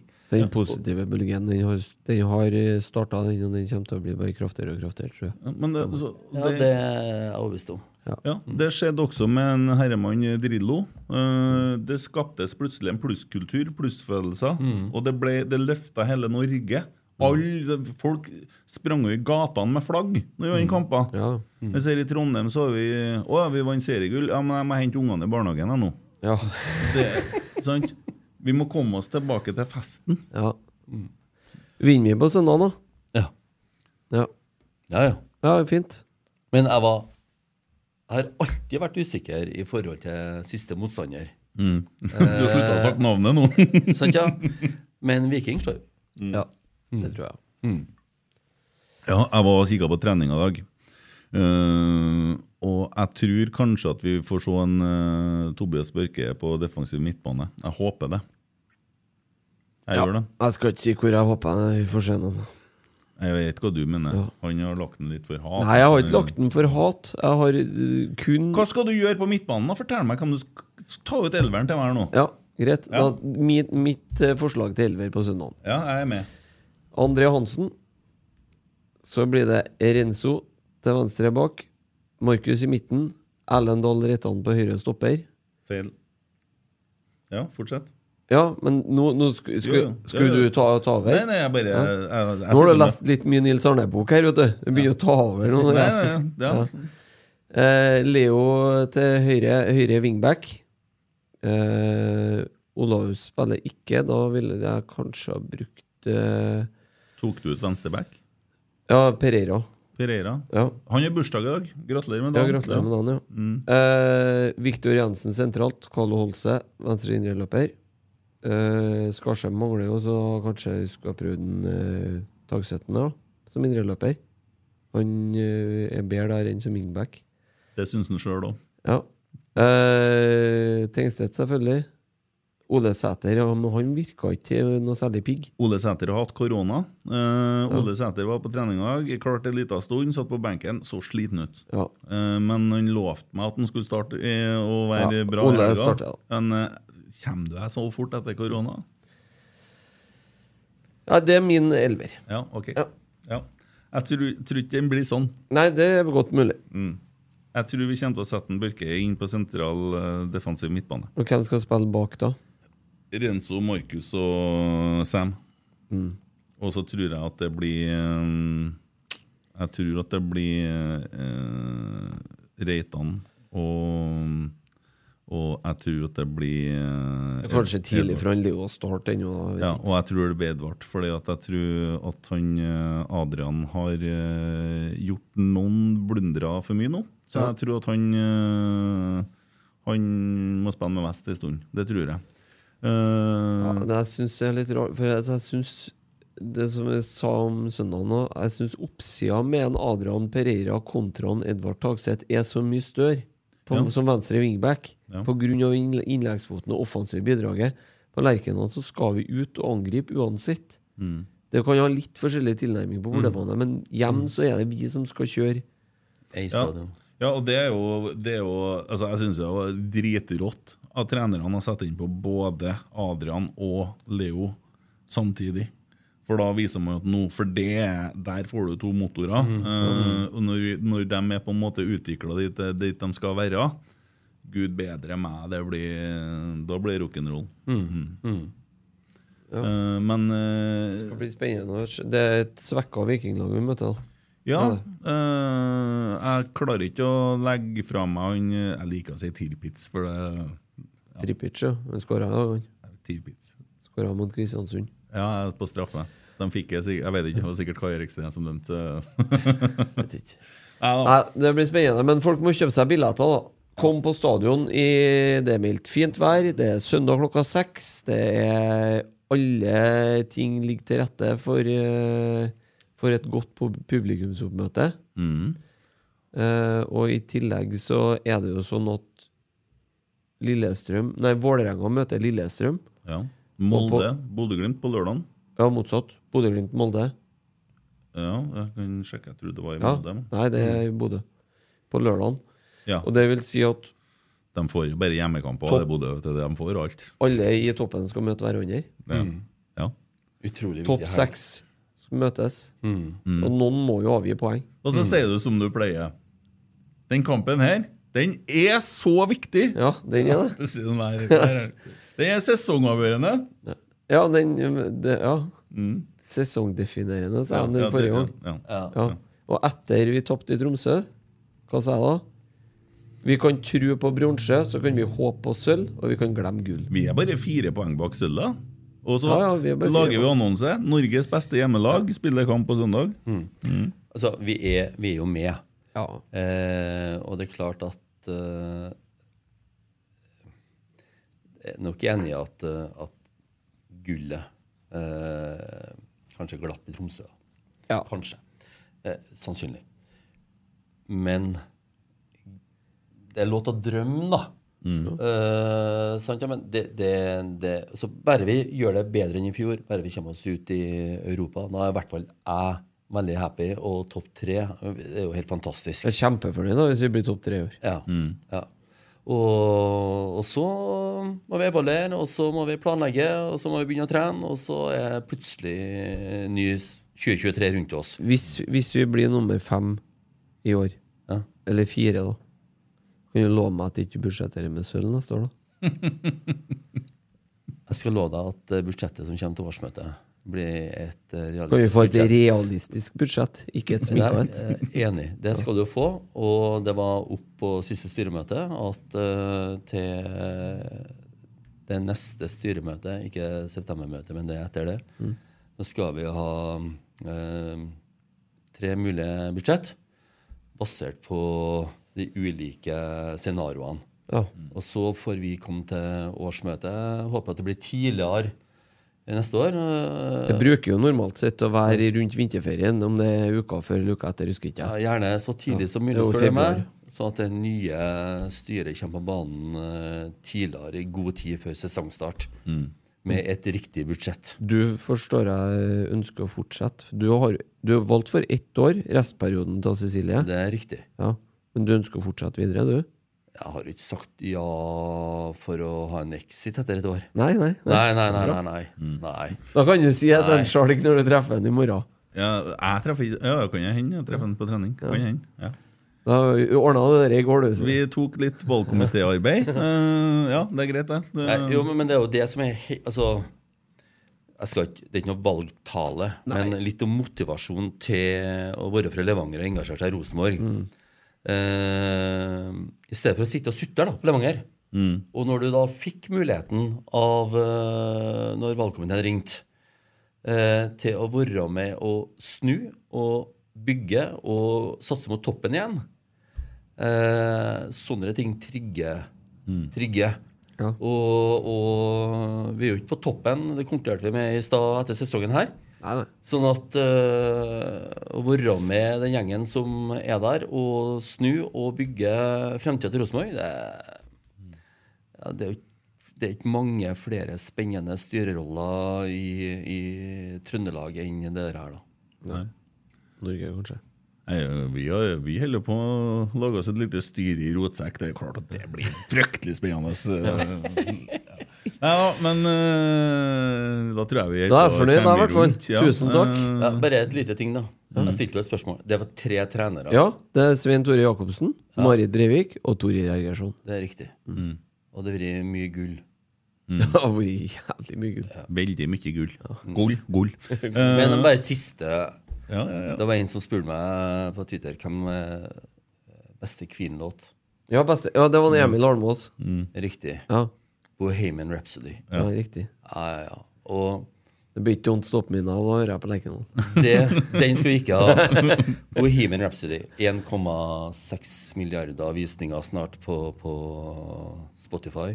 Eh, bare sånn siste greie da, ja, ja, ja. i forhold til Vi koser oss, vi. mangfoldet mitt. Uh, Ja, ja, på. Men sånn konsertgreier. eh, vi snakka jo Åge tidligere. Jeg hadde jo han på Levanger her uh, på 14 dager siden.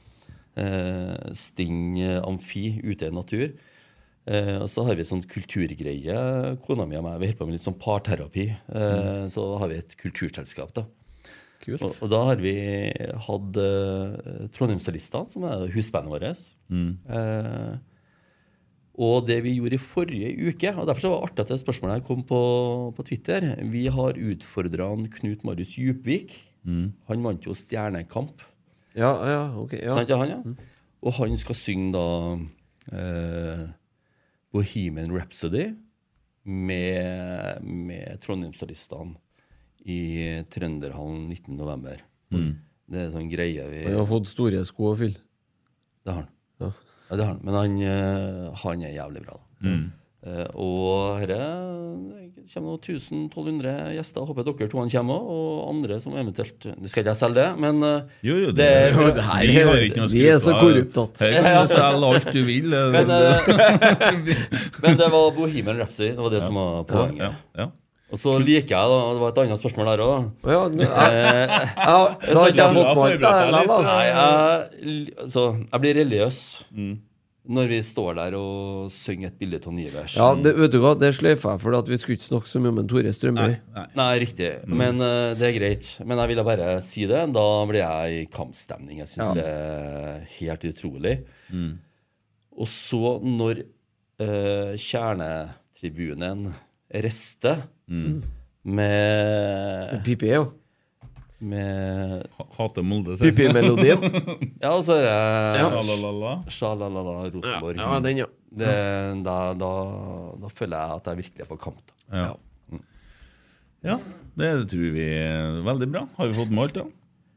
Det var hyggelig å bli bedre kjent med deg, må jeg si. Ja, det var trivelig. Ja. Gjensidig. Fikk jo lyst til å feire til Levanger. jeg. Jeg har hatt noen veldig fine opplevelser i Levanger. Eh, bra studentmiljø. Spilt Ja. litt der. Vært på eh, Ytterøya. Ja. Eh, Arild, foreldrene hans, bodde hjemme til dem. Har vært og spilt litt utpå der. Arild Stokkan Grande. Eller han heter vel Arild Grande nå, kanskje? Ja, ja, Ja, ja. det er mye bra folk. Og det, er så, det som er så fint med Levanger da, og Ytterøya, det er at det er, så, det er så frodig der. Det er så lunt på en måte på sommeren. Ja. Og dritkaldt på vinteren på elva. Det er jo riktig. Og så da bare sånn eh, Skulle nå du, da, eller andre lyttere Ja, De trenger ikke bare meg. Jo, Ja, nei, men andre nå, altså, for, for det, det etterspørres jo dialog eh, i en artikkel som vi ikke skal snakke mer om her eh, tidligere, og åpenhet og alt det der. Eh, kjører dere nå, nå forbi Norske Skog da opp til Gråmyra. Ja. Tar til venstre. Kjører forbi Alstahaug kirke og ligger på den veien der i 1,5 km og kommer til en gård med okergult fjøs. En låve, festlokale. Eh, så er jo dere og alle andre eh, velkommen til en eh, kopp kaffe og en god Rosenborg-prat. Ja. Og, det, og det, det er veldig godt å høre at du sier. Og det vil jeg, og for Vi har snakka om en Roar, vi har snakka om Cecilie, vi har snakka om veldig mange. Jeg har snakka med alle. med. Uh, klart altså Mye kraft av at man har en podkast og er litt, uh, litt frampå. Men Det tror jeg gjelder for alle. altså. At uh, Fær på Melhus i morgen uh, klokka sju uh, på Melhus på Gruva og se Rosenborg 2. Ser du en Roar, så gå og spør han det du lurer på, så får du jo svar. Og, og det, det gjelder jo alt som er i Rosenborg. Altså, Folk er jo så åpne og, og imøtekommende. Og det er ikke noe som holdes skjult eller noe sånt. Jeg har ikke inntrykk av det på noe som helst måte. Jeg har aldri hørt om noen som har fått beskjed om at jeg gidder ikke jeg å prate med. Nei, og, og, og folk er ivrige og, og, og lytter på det som folk har å si. Ja. Og så må det alltid være sånn at det er enkelte ting vi av forretningsmessige årsaker ikke kan snakke om. Selvfølgelig. Sånn er det alltid. Men utover det så ønsker vi å snakke om alt. Og I dag så fikk jeg høre Trygve Hernes, lærte en Kjetil Rekdal hvordan Rosenborg skal spille fotball, og hva som var problemet forrige søndag. Riktig. Og Kjetil så hørte på det òg. Nei, jeg tror, her, her, jeg tror vi har snudd en trend, og jeg tror dette blir bra i framtida. Bare Ja. en ung gjeng. Ja. Og mye nye folk, så jeg tror denne miksen her eh, blir veldig bra. Så tror jeg vi får sånn Marius Broholm litt grann på søndag. Det håper jeg òg. Det har vært jævlig artig. Det er en fin kamp for han å få komme inn og herje Det Ja, i hvert fall en fantastisk skåring han hadde i cupkampen mot Verdalen. Mm. Ja, den var fin. Ja, Og så går det an og så går det òg an på søndagen å komme og høre kamp. For at Kristoffer Løkberg skal sannsynligvis være en plass på stadion, på banen eller på benken. Og da går det an å komme bare for å høre kamp. Var, så Kommenterer jo alle kampene han spiller, gutt. Ja, så Rosenborg Viking i koronaen, og vi vant Var det 5-0 eller 5-1? Eh, Det var. Markus ble skada. Eh, vet du, og da var det jo bare 600 på stadion. Men Kristoffer Løkberg, herregud hvor han ropa og kauka og vræla hele tida. Bare det og verdi inngangspengene. Det er et lite show. Han er engasjert, da. Men sånn var han fra han var 8 til 14. Og Han spiller om søndagen, tipper jeg, for han satt på benken hele kampen i dag. Mm. Ja, de eh, Ja. Spiller ikke noen rolle, vi tar dem vel. Vi tar dem. Ja. Vi skal ta dem. Ole, tusen hjertelig takk for stunda. Bare hyggelig. Tusen takk. Bare hyggelig.